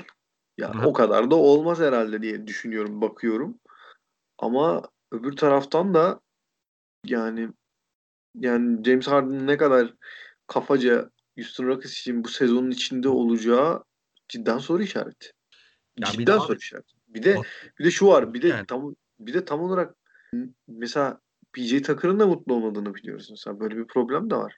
Evet. Yani PJ Tucker da az oyuncu değil yani Rockets için. E, Covington'ı gönderdiğin yerine işte kimseyi almamış oldun aslında neredeyse. O var bir de evet. yani, evet. Yani gerçekten bir sürü zor soru var. E, ya zaten Covington hamlesi işte Stephen Silas bak Stephen Silas çok değerli bir koç olabilir abi. O konuda benim bilgim yok yani. İzlemedik sonuçta. Kolay görmedim sahada ben. Ya, ee, ama bir şey, bir şey bilmiyoruz aslında yani. Hiçbir şey bilmiyoruz. Ama şöyle bir durum var abi. Şimdi Steven Silas gibi o insanı, bir, ko- bir koçu, bir asistan neden getirsin abi? Sen de rebuilding yapıyorsundur. Dersin ki bu adam işte ofansif inanılmaz bir deha ya da savunması çok şey böyle. İşte genç oyuncularla şeyde timeline iyi uyacak vesaire dersin. Takımla birlikte büyüyecek dersin. Ve böyle bir asistan getirirsin. Senin James Harden ve Russell Westbrook gibi bir iki, e, ikili yıldızın varsa, ikili e, ne derler işte temelin varsa hı hı. abi buraya olmuş bir e, koç ürünü getirirsin bence. Daha saygı değer, daha onların saygısını kazanacak bir isim olsaydı diyorsun, değil mi? Aynen, aynen, aynen. Yani Mike D'Antoni mesela gitti tabii ki. Ama Mike D'Antoni o tarz bir adam sonuçta. Yani, yani etkili... şunu o zaman şunu söyleyebilir miyiz? Bence yanlış bir atama yok burada. yani, isabetsiz bir atama yok. Houston'da aslında Stephen Silas'ı takımın başına getirirken başına ne, ne geleceğini aşağı yukarı biliyordu yani. Bunu ya da başına geleceğini bildiği için bu sonuca vardı. Evet. Yani zaten Harden ve Westbrook gitmek istiyor. A- aynı şey. aynı şey. Yani Harden'la Westbrook'un çok da böyle kalmaya meraklı olmadığından haberdarlardı. Dediler ki biz önce hani biz dediler ki ilk düğmeyi iyilikleyelim. Ee, yeniden yapılanmaya kadrodan değil de koçtan başlayalım. Çünkü koç bu takımın sonuçta yeni bir kültür oturacaksa koçla başlar bu iş. Düğmeyi doğru ilikleyelim. Hı hı. Eric e, Russell, Russell Westbrook'la James Harden'ı takasladığımız zaman iyi genç oyuncuları toplamaya başlarız diye düşündüler sanırım. Hı hı. Bir de zaten koç aslında kontrol edebildikleri şey şu an. James Harden'ın da Russell Westbrook'un kaderini onların karşılığında ne alacaklarını ne alamayacaklarını pek kontrol edemiyorlar. Bir de şöyle bir tarafı da var işin. Ya Stephen Silas'ın çok değerli bir hücum yöneticisi olması aslında takas pazarında bir işlerine daha yara, yarayabilir. Ee, hem James Harden'ın hem de Westbrook'un e, hücumda kullanılması konusunda zeki olmak gerekiyor. Bunlar müthiş oyuncular kabul. Ee, ama çok spesifik bir şeyleri var çok spesifik bir skill setleri var yani. Hem James hem Harden hem de Westbrook ikisinin birden. Dolayısıyla aslında çok iyi yönetilmesi gereken bir potansiyelleri var. Mesela Scott Brooks bu işi çok iyi yapamadığı için bu oyuncuların çok yüksek potansiyelleri olmasına rağmen kariyerlerinin ilk dönemlerinde bireysel gelişimlerinde çok önemli rötarlar yaşandı. Ve bu oyuncular aslında çok daha erkenden çok daha fazlasını verecek verebilecek oyuncularken e, biraz bireysel patlamaları gecikmeli oldu. Ve bence özellikle Westbrook'un gelişmesinde, gelişiminde Brooks'un çok kabahati var yani. Çok sıkıntı, çok çok günah var bence. Hı hı. E, dolayısıyla bu iki adamı çok yaratıcı şekillerde kullanar, kullanacak bir hücum yöneticisinin takas pazarındaki o değerlerini de yukarıda tutacağını düşünmüş olabilirler. Yani çünkü Silas eğer anlatıldığı gibi bir koçsa Harden'ın hücumda 40 atmamaya atmaması çok ıı, kolay durmuyor yani. Bir şekilde onu e, yaratacak şartları oluşturacaktır bence. Ya şöyle. Westbrook'un yeniden verimli gözükmesi mesela çok önemli abi takası Hı-hı. için. Çünkü. Westbrook verimsiz gözüküyor yani. Ya şöyle şimdi o kısa 5'e döndük tamamen kısa 5'e döndükten sonra işte PJ Tucker ve Covington'ın 4-5 rotasyonunu paylaştığı düzenden sonra Westbrook zaten hani işte tamamen orta mesafe ve potaya özellikle giderek oynamaya başladı. O kötü 3 sayılarını tamamen törpüledi yani baktığın zaman ve çok daha verimli bir oyuncu oynamaya olarak oynamaya başlamıştı. Şimdi bir de şey var abi mesela sen siz çok değerli bir e, hücum koçu olun. İşte çok değerli işte inanılmaz zeki bir deha olun. Sizin de sonuç olarak yapabilecekleriniz çok aslında büyük oranda personelle bitiyor. Evet. Hani şimdi muhtemelen Westbrook hücumda hala işte işte Christian Wood da şut atabiliyorken işte e, PJ Tucker yine daha 4 işte 5 numarada oynayacakken yine hala işte Westbrook o pota giriş alanlarını daha fazla bulacaktır. Yine istatistiklerini iyi yapacaktır vesaire falan. Benim buradaki endişem şu. E, siz ne kadar deha olursanız olun eğer Russell Westbrook ve özellikle James Harden'ı aynı aidiyetle oynamaya ikna edemediğiniz her senaryoda bu adamların takas değeri her geçen gün azalacak. Abi zaten her... o fela, felaket senaryosu yani. Heh. Ama bir şey söyleyeyim mi? James Harden'ın takas değeri azalmaz abi. Bu çok zor yani. Bu, ha, bunu özellikle da, söyleyeyim. Ha, burada öyle bir şey, şey var işte. Mesela Westbrook'la sezona girmelerine şöyle bir mantık çerçevesine bakabilirim. Westbrook sezon içerisinde oynar. İyi istatistik yaparsa bir tane sorunlu problemli takım çıkar ve ben Westbrook'u gönderirken karşında bir şey alabilirim. Diye, bu bir mantıktır.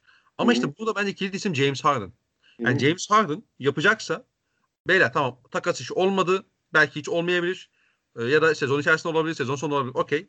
Ama ben aynı oyunumu oynayacağım dediği zaman Houston için işin rengi en azından hani bu oyuncuların takas değeri bakımından olumlu devam eder. Ama o, onun dışında zor.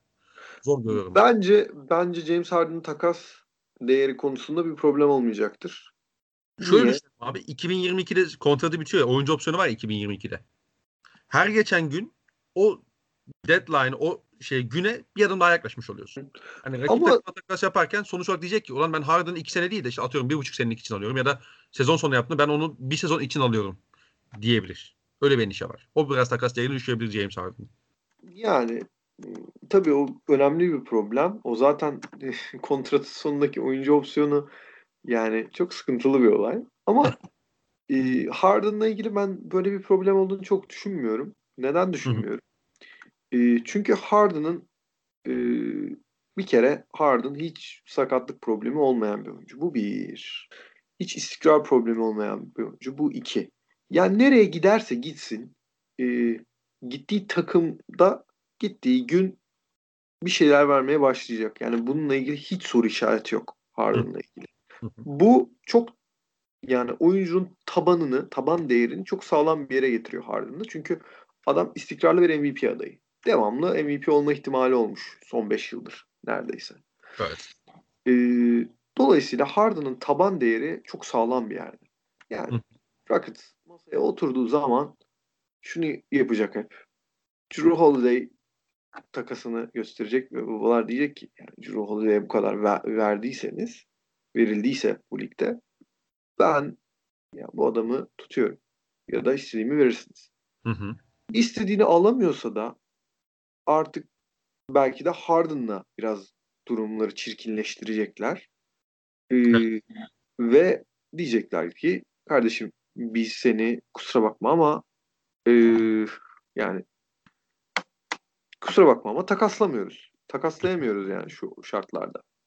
E, ve e, mecburen Harden bir şekilde oynamaya devam edecek. Bunun olma ihtimali düşük.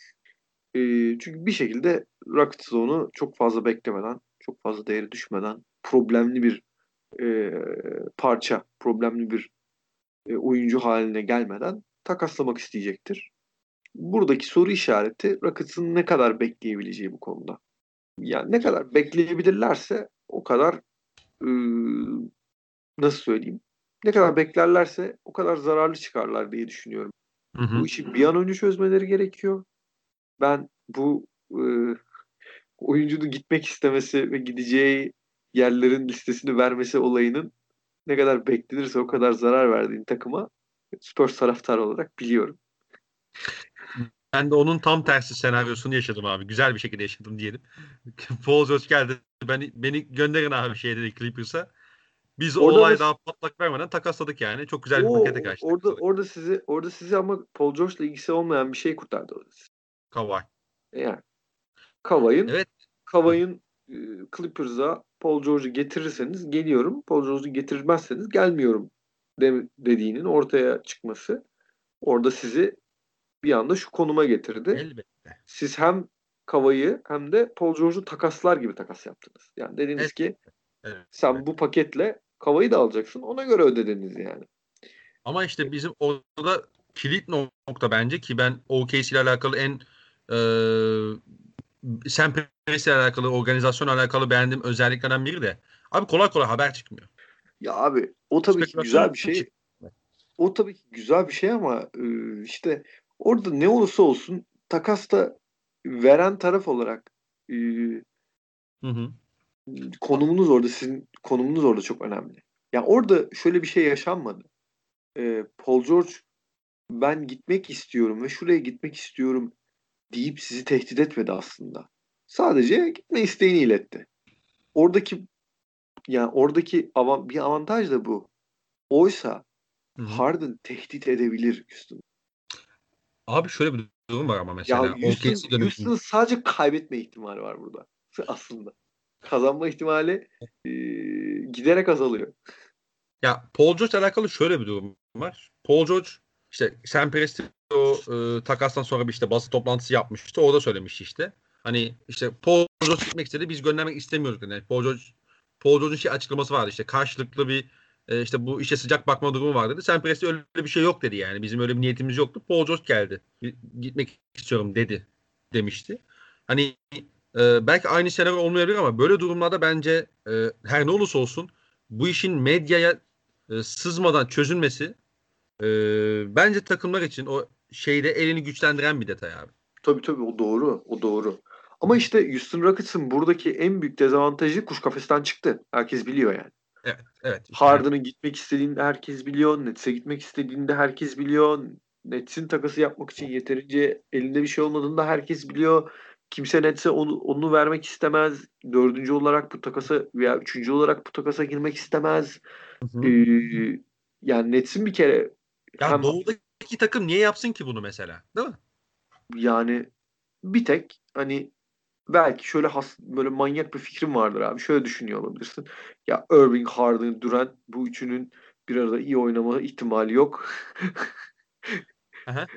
bu Hard, Harden'ın da hala 3 yıl e, işte 120 milyon dolara falan denk gelen bir sözleşmesi var. Ben bu sözleşmeyi de Nets'e çakayım. bu üç el bombasını, bu üç bomba karakteri de birbirine bağlayayım falan. Yani böyle çok garip bir bir böyle bir nasıl söyleyeyim? Hani böyle çok büyük ama çok uçuk uçuk bir planın olması lazım yani. E kimse NBA'de kimse de bu bu tür bir şeyle iş yapmaz yani. Böyle bir e, düşünce yapısıyla iş yapmıyor kimse NBA'de. Yapmamaları da zaten akla yakın olan şey. NBA'de zaten genelde şu değil midir abi? Sen yıldızları getirirsin. Ondan sonra o işi çözmelerini beklersin. yani öyle öyle.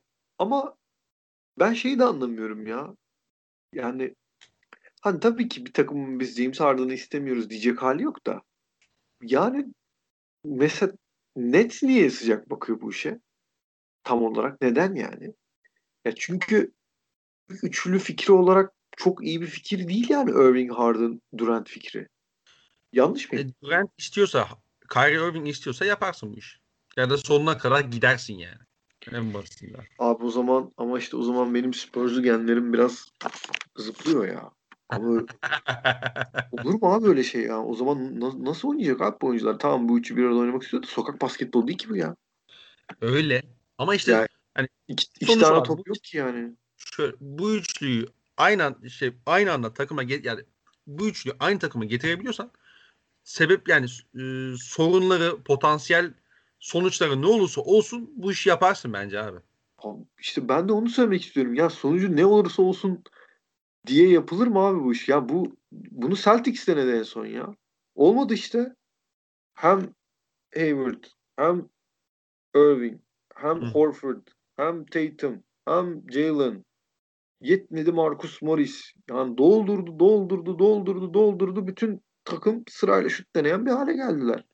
Hı-hı. Ne oldu? Hiçbir şey olmadı yani. yani basketbol hani tabii ki Celtics'e Celtics yönetimine öğretmiyorum bunu burada bunu söyleyerek ama yani böyle bir şey değil ki bu oyun. Yani topu paylaşmak gerekiyor. Hı hı. Düzen gerekiyor. Oyuncuların bazı şeylerden vazgeçmesi gerekiyor. Bazı şeylere katlanması gerekiyor. Hani hiç bu üç oyuncu Durant'ı hadi biraz kenara koyayım. Durant çünkü Warriors'da çok şey öğrendi. Çok sorumluluk aldı. Dört oynadı, beş oynadı. Savunmada, e, hücumda, topsuz oynama konusunda çok başka aşamalar kaydetti. Ama Kyrie ile Harden yani hiç daha kariyerlerinde fedakarlığın fesi olmayan iki oyuncu yani. Yanlışsa konuşsun da şimdi. Var mı yani böyle bir şey? Yani ya da Kyrie Irving bir başka deyişle e, belli başlı fedakarlıkları çok fazla yaptığı için kariyerinde Cleveland'da ayrılmak istedi. Yani LeBron'un yanında kalmak istemedi yani. Neden fedakarlık etti ki Kyrie? Takımın Orada. lideri değil de sonuçta. Ve sonuç olarak X bir sıkıntı olduğu zaman Abi, genelde LeBron- abi ağlayarak günlüğüne yazabilir ya LeBron'un olduğu takımda lider olamaması bu kadar kafaya takıyorsa. ya, ya, Yani zaten- ağlayarak günlüğüne Abi o- yazılabilir abi yani. Böyle bir problem Abi olur o mu ya? şey musun sen ama? Yani Kyrie Irving işte e, Scottie Pippen değil de kendi Ma- Michael Jordan olmak istiyor. Haberleri çok anlatılıyordu işte Amerikan medyasında. Abi Hatırlıyorsun. anlıyorum. An, anlıyorum tabii ki böyle bir isteği olabilir bir oyuncu ama bu bir sorun değildir yani. Böyle bir problem. Hani bu bu bir problem değildir. Yani bu Ama bir işte- durum. Bu bir durumdur. Oyuncu onu kabul etmez. Tamam. Onu kabul etmeyebilir ama liderlik de zaten fedakarlık gerektiren bir olay. Yani lider olduğun zaman da fedakarlık yapmadan devam etmiyorsun hayatına. Hiçbir şey de böyle değil. Bu NBA'de hiç böyle değil. Liderler devamlı fedakarlık yapıyorlar. Kazandıkları paradan vazgeçiyorlar, attıkları şuttan vazgeçiyorlar. Savunmada verdikleri enerjiyi arttırmak zorunda kalıyorlar. Fiziksel olarak kendilerini zorluyorlar. Sakat sakat oynuyorlar. Yani Evet. bu liderlik işinin başı fedakarlık, sonu fedakarlık. Bunu anlatmak istiyorum. Yani bir oyuncu ikinci adam olmayı kabullenemiyorsa bu lider olarak feda yap, yapacakları yapacağı yapması gereken fedakarlıkların en küçüğü ne- neredeyse yani. Zaman zaman arka planda kalmayı kabul etmek. Yani bu en küçüğü işin neredeyse. Bunu anlatmak istiyorum yani. Yok yok ben anladım senin demek istediğini. Yani ki Kyrie de bu konuda felaket sınavlar veriyor üst üste. Kariyerinin devamını ne göstereceğini göreceğiz. Hı hı. Ama bilmiyorum yani ya uzun uzun net konuşmuş olduk ama Yani Nets'in şey sıkıntısı var bu arada kesinlikle. Şimdi iki çok ciddi bir ikilem var sonuçta Harden takasında onlar için. Birincisi sen bu işi yaptın diyelim. Sen bu işi yaptığın zaman diyelim ki üstüne ikna ettin. Bu şu demek oluyor. Kyrie ve Durant dışındaki hemen hemen her işleyen parçanı göndermiş oluyorsun. Evet yani buna ben de bi- biraz aslında bunu dikkat çekmeye çalışıyordum. Yani Hı hı. takımı dağıtacaksın ya. Takı, yani takımın olmayacak. Yani tamam Harden olacak, Durant olacak, Irving olacak. Takım olmayacak. Ya Heh. 3 3 kişiyle oynamıyorsun ki. Ya demin Aynen. Bucks'ı Bucks'ı eleştirirken bunu söyle, bunu söyledik aslında. 3 oyuncuları var dedik. Gerisi var mı yok mu pek bilmiyoruz yani. Ha, tabii ki yani şimdi onların seviyesiyle bu oyuncuların seviyesi bir değil en nihayetinde ama. Hayır e, bir değil ama o da 3 kişi o da 3 kişi abi. Yine 5 kişiyle oynuyorsun bu oyunu yani. Tamam 3 3 Aha. kişi tamam. Yani 5'e 3 oynayamıyorsun ki. Veyahut da işte 3 tane müthiş oyuncu, 2 tane amatör. O zaman 2 tane şey e, Caddebostan sahilden 2 tane adam alsınlar. Yani denesinler bu işi. Diyemeyiz ki yani öyle de olmuyor. işin şey boyutu var kesinlikle. Hani ım, artık yani geçmişte ne kadar bu böyleydi NBA'de onu bilmiyorum. Yani yetenek tabanı bu yetenek havuzuyla da alakalı tabii ama artık sizin 3 tane çok özel oyuncu ekleyip 2 tane ya da işte kalan, kadronun kalanını vasat oyuncudan oluşturmanız size artık e- artı sağlamıyor abi. Kaldırmıyor şeyi. Çünkü NBA'de takımlar çok daha fazla çok daha yönlü savunmacılara sahip olduğu için çok daha e, bu rakip scouting işini baş- acayip seviyeye çıkarttığı için vesaire vesaire sizin o iki oyuncunuzun hücumdaki rolünü arttırmayı iyi beceriyorlar. Ve oyuncuların yapamadıkları artık sizin en top seviyede işte konferans finalinde, konf- NBA finalinde çok net belirleyici, çok yaralayıcı olabiliyor. En zayıf halkan en zayıf halkan kadar güçlü oluyorsun. Tabii tabii aynen aynen. Ya bunlar doğru. Hepsi doğru. Ee, burada ana konuştuğumuz takımı biraz daha dönersek yani üf, Ya bu arada GM olsam, hı, sözünü kestim abi de GM olsam sorun değil. o topu o topa net girerim tamam mı? Harden ve şey. Harden topunu. Ha, tabii tabii. Yani şey e, Sean Marks olsam o topa net girerim. Suçu üzerinden alırım abi. Derim ki bakın ben size böyle bir üçlü kurdum. Bunlar beceremedi. Ben ne yapayım? Derim yani. Burada İşte ama ama işte yani Çünkü kadar yapamayıp başarısı olduğunda hep o takasa şey yapılabilecek yani. O takası yap, yapamadı, yapmadı deyip ya ama Buranın şey ya. Harden da Harden da şöyle bir oyuncu abi. Yani hani bu kadar da bayağı göm yani tövbe abi boklamış olacağız yani adamı ama ya mesela adamın kariyerinde hiç NBA finali yok. İki tane Batı finali var. NBA finalinin ucundan dönmüş. Hocam nasıl yok ya? Ya bir dakika abi. Oklahoma'da 6. adam değil miydi yani? Yani Evet. Oklahoma'yı o mu götürdü finale şimdi? Hocam, hocam bir saniye dur şimdi. Abi 2012. lider olarak lider olarak Hocam- NBA finali tamam düzelteyim senin için. Lider olarak NBA finali yok abi. Yok. Kavai'nin üzerine attığı üçlü hatırlatırım 2012'de. Hayır bak lider olarak NBA finali yok. ya takılıyorum. Anladım ne demek istediğini. Tabii. Ha. Lider olarak NBA finali yok yani bu adamın. Hı hı. Ve hani NBA finalinin ucundan döndüğü iki durum var. Hani mesela meşhur işte Chris Paul'un sakatlandığı seri diyoruz. Hani Chris Paul'un sakatlandığı seri diyoruz işte ya. Ya aslında en iyi olduğu yani en iyi oyuncu o, olduğu iki maç var o da. İki, dördüncü İşte ve beşinci maç onu söylemek istiyorum. Onu söylemek istiyorum. Ya adam NBA finalinin eşiğinden dönmüş lider olarak. Ya ama aslında o serilerdeki en iyi oyuncu değil yani. Hani Evet. o zaman o zaman tamam hani bu adam devamlı MVP adayı da e, NBA finaline gidemiyor demek ki bu adam abi. Hani bu- buraya gelmez miyiz biraz? Yani Tabii, gelemiyor gelemiyor demek ki hani bir şekilde. Ya çünkü Chris Paul'un kendisine bıraktığı görev de öyle hani dağları aş kaldır bir bir şey değil yani. Hani bir maç bitirecekti yani. Hani küçültmek için söylemiyorum ama onun seviyesindeki bir oyuncunun yapabilmesi lazım. Değil mi? Yani rakip Golden State olduğu için o konuda biraz şey kalıyorum ben ama yani zaten zaten Hı. iyi oyuncularla ya da işte e, özel yani süperstarlarla elit oyuncular ya da özel oyuncular ayıranda tam olarak o maçlar oluyor evet. Ya doğru. E, ya ben ayırdığını düşünmüyorum. Elit oyuncu seviyesinden indi Harden da demiyorum. Hani böyle bir şey kesinlikle söylemiyorum. Ya adamı oyuncu olarak klasif yani belli bir yere alıp bir yere koymak işte bu adam da süperstar değil. Yani o kadar da MVP'si var ama boş falan. Öyle bir şey demek istemiyorum. Yanlış anlaşılmasın. Aha. Ama söylemek istediğim ya sonuçta Kyrie Irving'in aldığı NBA finali var abi. Aldı. NBA finali Kyrie Irving'in CV'sinde yazıyor. Yani 3-1'den 4-3'e gelen seriyi bitiren adam. CV'sinde yazıyor yani. Var. Evet. Ne bileyim Durant'in iki tane NBA M- final MVP'si var. Yani LeBron'a karşı iki kere seri aldı. Biliyorsun yani bunu. Hı. Ama Harden'la ilgili o başarı kriterini o en üst seviyede en en son noktada o işi bitirme konusunda soru işareti var. Yani Harden'ı getirsen bu konuda takımına bir sorun ekler misin? Eklemez misin? Ya bunun da biraz soru işareti olur mu olmaz mı? Bunu söylemek istiyorum. Hı hı. Yani o yüzden yani Nets GM olsam şey diye düşünürüm ya. Ya baba ne güzel takımı kurduk. Yıldızları getirdik. Hı hı. Yani ne nereden çıktı şimdi bu iş? Yani nereden çıktı yani?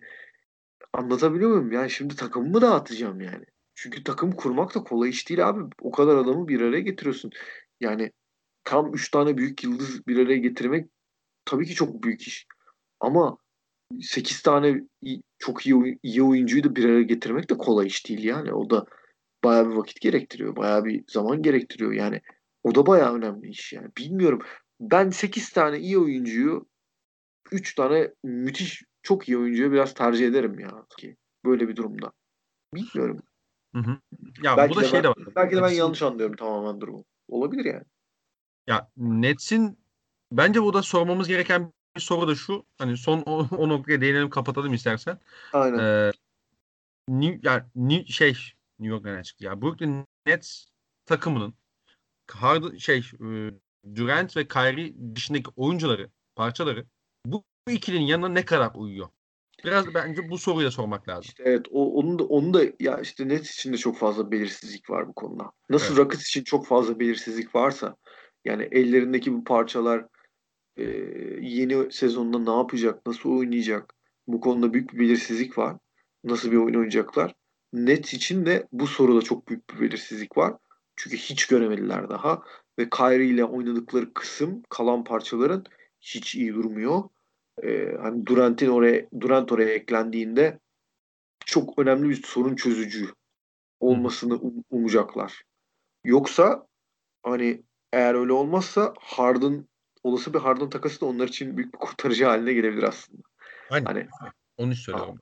Yani Harden takasını yapalım bari deyip her şeyi atabilirler masaya bir anda. Tabii tabii böyle olmadı bari Harden'ı deneyelim deyip. Yani, Aynen bir, şey, Harden deneyelim falan diyebilirler yani. Ya, takas için çok geç kaldılar bu arada çünkü piyasada kimse yok artık. Hani 3 oyuncu dizdim yanına işte 2 tane 3 tane hani bunlarla şampiyonluk kovalayacak veteran ekleyeyim şeyinde yapamayacaksın artık. Çünkü oyuncu yok yani piyasada. Herkes imzaladı. Bir şey söyleyeyim mi? Eğer Harden takası olacaksa bir şekilde olur abi. Yani hiç kimse şey yani bir, bir, bir takım çıkar. Bir takım bir takım ya, bir takım daha falan. Yani hayır yani Harden takası eğer olma noktasına gelirse bundan bir ay sonra da olur, iki ay sonra da olur. Yeter ki şartlar o şeyi göstersin. Oklar orayı göstersin. Yani çok oyuncu yer değiştirir. Çok karışık bir şey olur muhtemelen. Hı? Çünkü maaş maaşta çok büyük Harden yani. Acayip öyle böyle bir maaş yok yani. Ee, ama bir şekilde olur yani. O hani bir şey değil. Yani ee, net olmaz. Bir tane sıkıntı yaşayan takım olur. Belki biz bu ikiliyle yapamıyoruz mesela. Hı O işte iki tane değerli oyuncudan birini verelim. Yanına iki tane, üç tane pik verelim. iki tane swap hakkı verelim falan filan. E Houston da zamanı da daralıyor. Deyip o işi yap yapmaya bir anda, düğme, bir anda düğmeye basabilirler. Aynen. Aynen. Harden'da sonuç olarak şey var. Yani Harden o takımda yani sonuçta gittikten sonra sizin oyuncu olarak üzerinize baskı oluşuyor. Tamam sen olmak istemediğin yani ayrıldın. Ama şimdi sen başka bir takımdasın ve senin orada artık profesyonel davranman lazım. Artık o işini yapacaksın. Ve ne olursa olsun bu sezon içerisinde aldığın zaman James Harden'ı iki playoff serüveni için almış oluyorsun minimum. Bunun için de bunun için de fedakarlıklar yaparsın tabii ki. Bunun için de değer, çok değerli asetlerini çıkarsın pekala. Çıkman gerekir. Çıkman gerekir aynen öyle. Abi Bakalım. ağzına sağlık. Aynen çok uzun uzun konuştuk her takımı. 3 saate yakın oldu. Gerçekten. Ben de başlarken bu kadar uzun olmasını beklemiyordum. Yani ben de bir buçuk saate herhalde toparlarız diye düşünüyordum ama toparlayamadık. Saat, artı bir saat oldu. toparlayamadık valla. Toparlayamadık. Gerçi canımız sağ olsun yani. Zaten böyle güzel bir günün ardından artık yani saatin ne kadar işlemiş olduğu falan hiç umurumda Aynen değil. senin için. Senin için özellikle. Bu kadar keyifli bir akşamın sonrasında. Seni bıraksak bu konuyu değil ama başka bir konuyu daha uzun uzun konuşursun. ya bu konuyu da konuşabiliriz. Sıkıntı yok abi. başka bir takım ekleyebiliriz. Bu takımlarla alakalı başka tespitler yapabiliriz. Harden takısını konuşabiliriz. Takas uydurabiliriz. Her şey yapabiliriz. Hiç sıkıntı yok. Yeter ki ki konuşmak isteyelim. Abi geldiğin için hakikaten çok teşekkür ederim. Estağfurullah. Evet. Ben sağ ben teşekkür ederim çağırdığın için. Keyifti. Benim için de çok büyük keyifti. Dinleyen herkese de yani bu ana kadar kalan varsa dinleyen herkese hakikaten çok... Aynen öyle. Kimse kal kimsenin kaldığını zannetmiyorum ama sağ ol. Eğer kaldıysan o kişi sağ ol. Sen. Sana işte. evet. Teşekkür ediyoruz. Ee, hoşçakalın.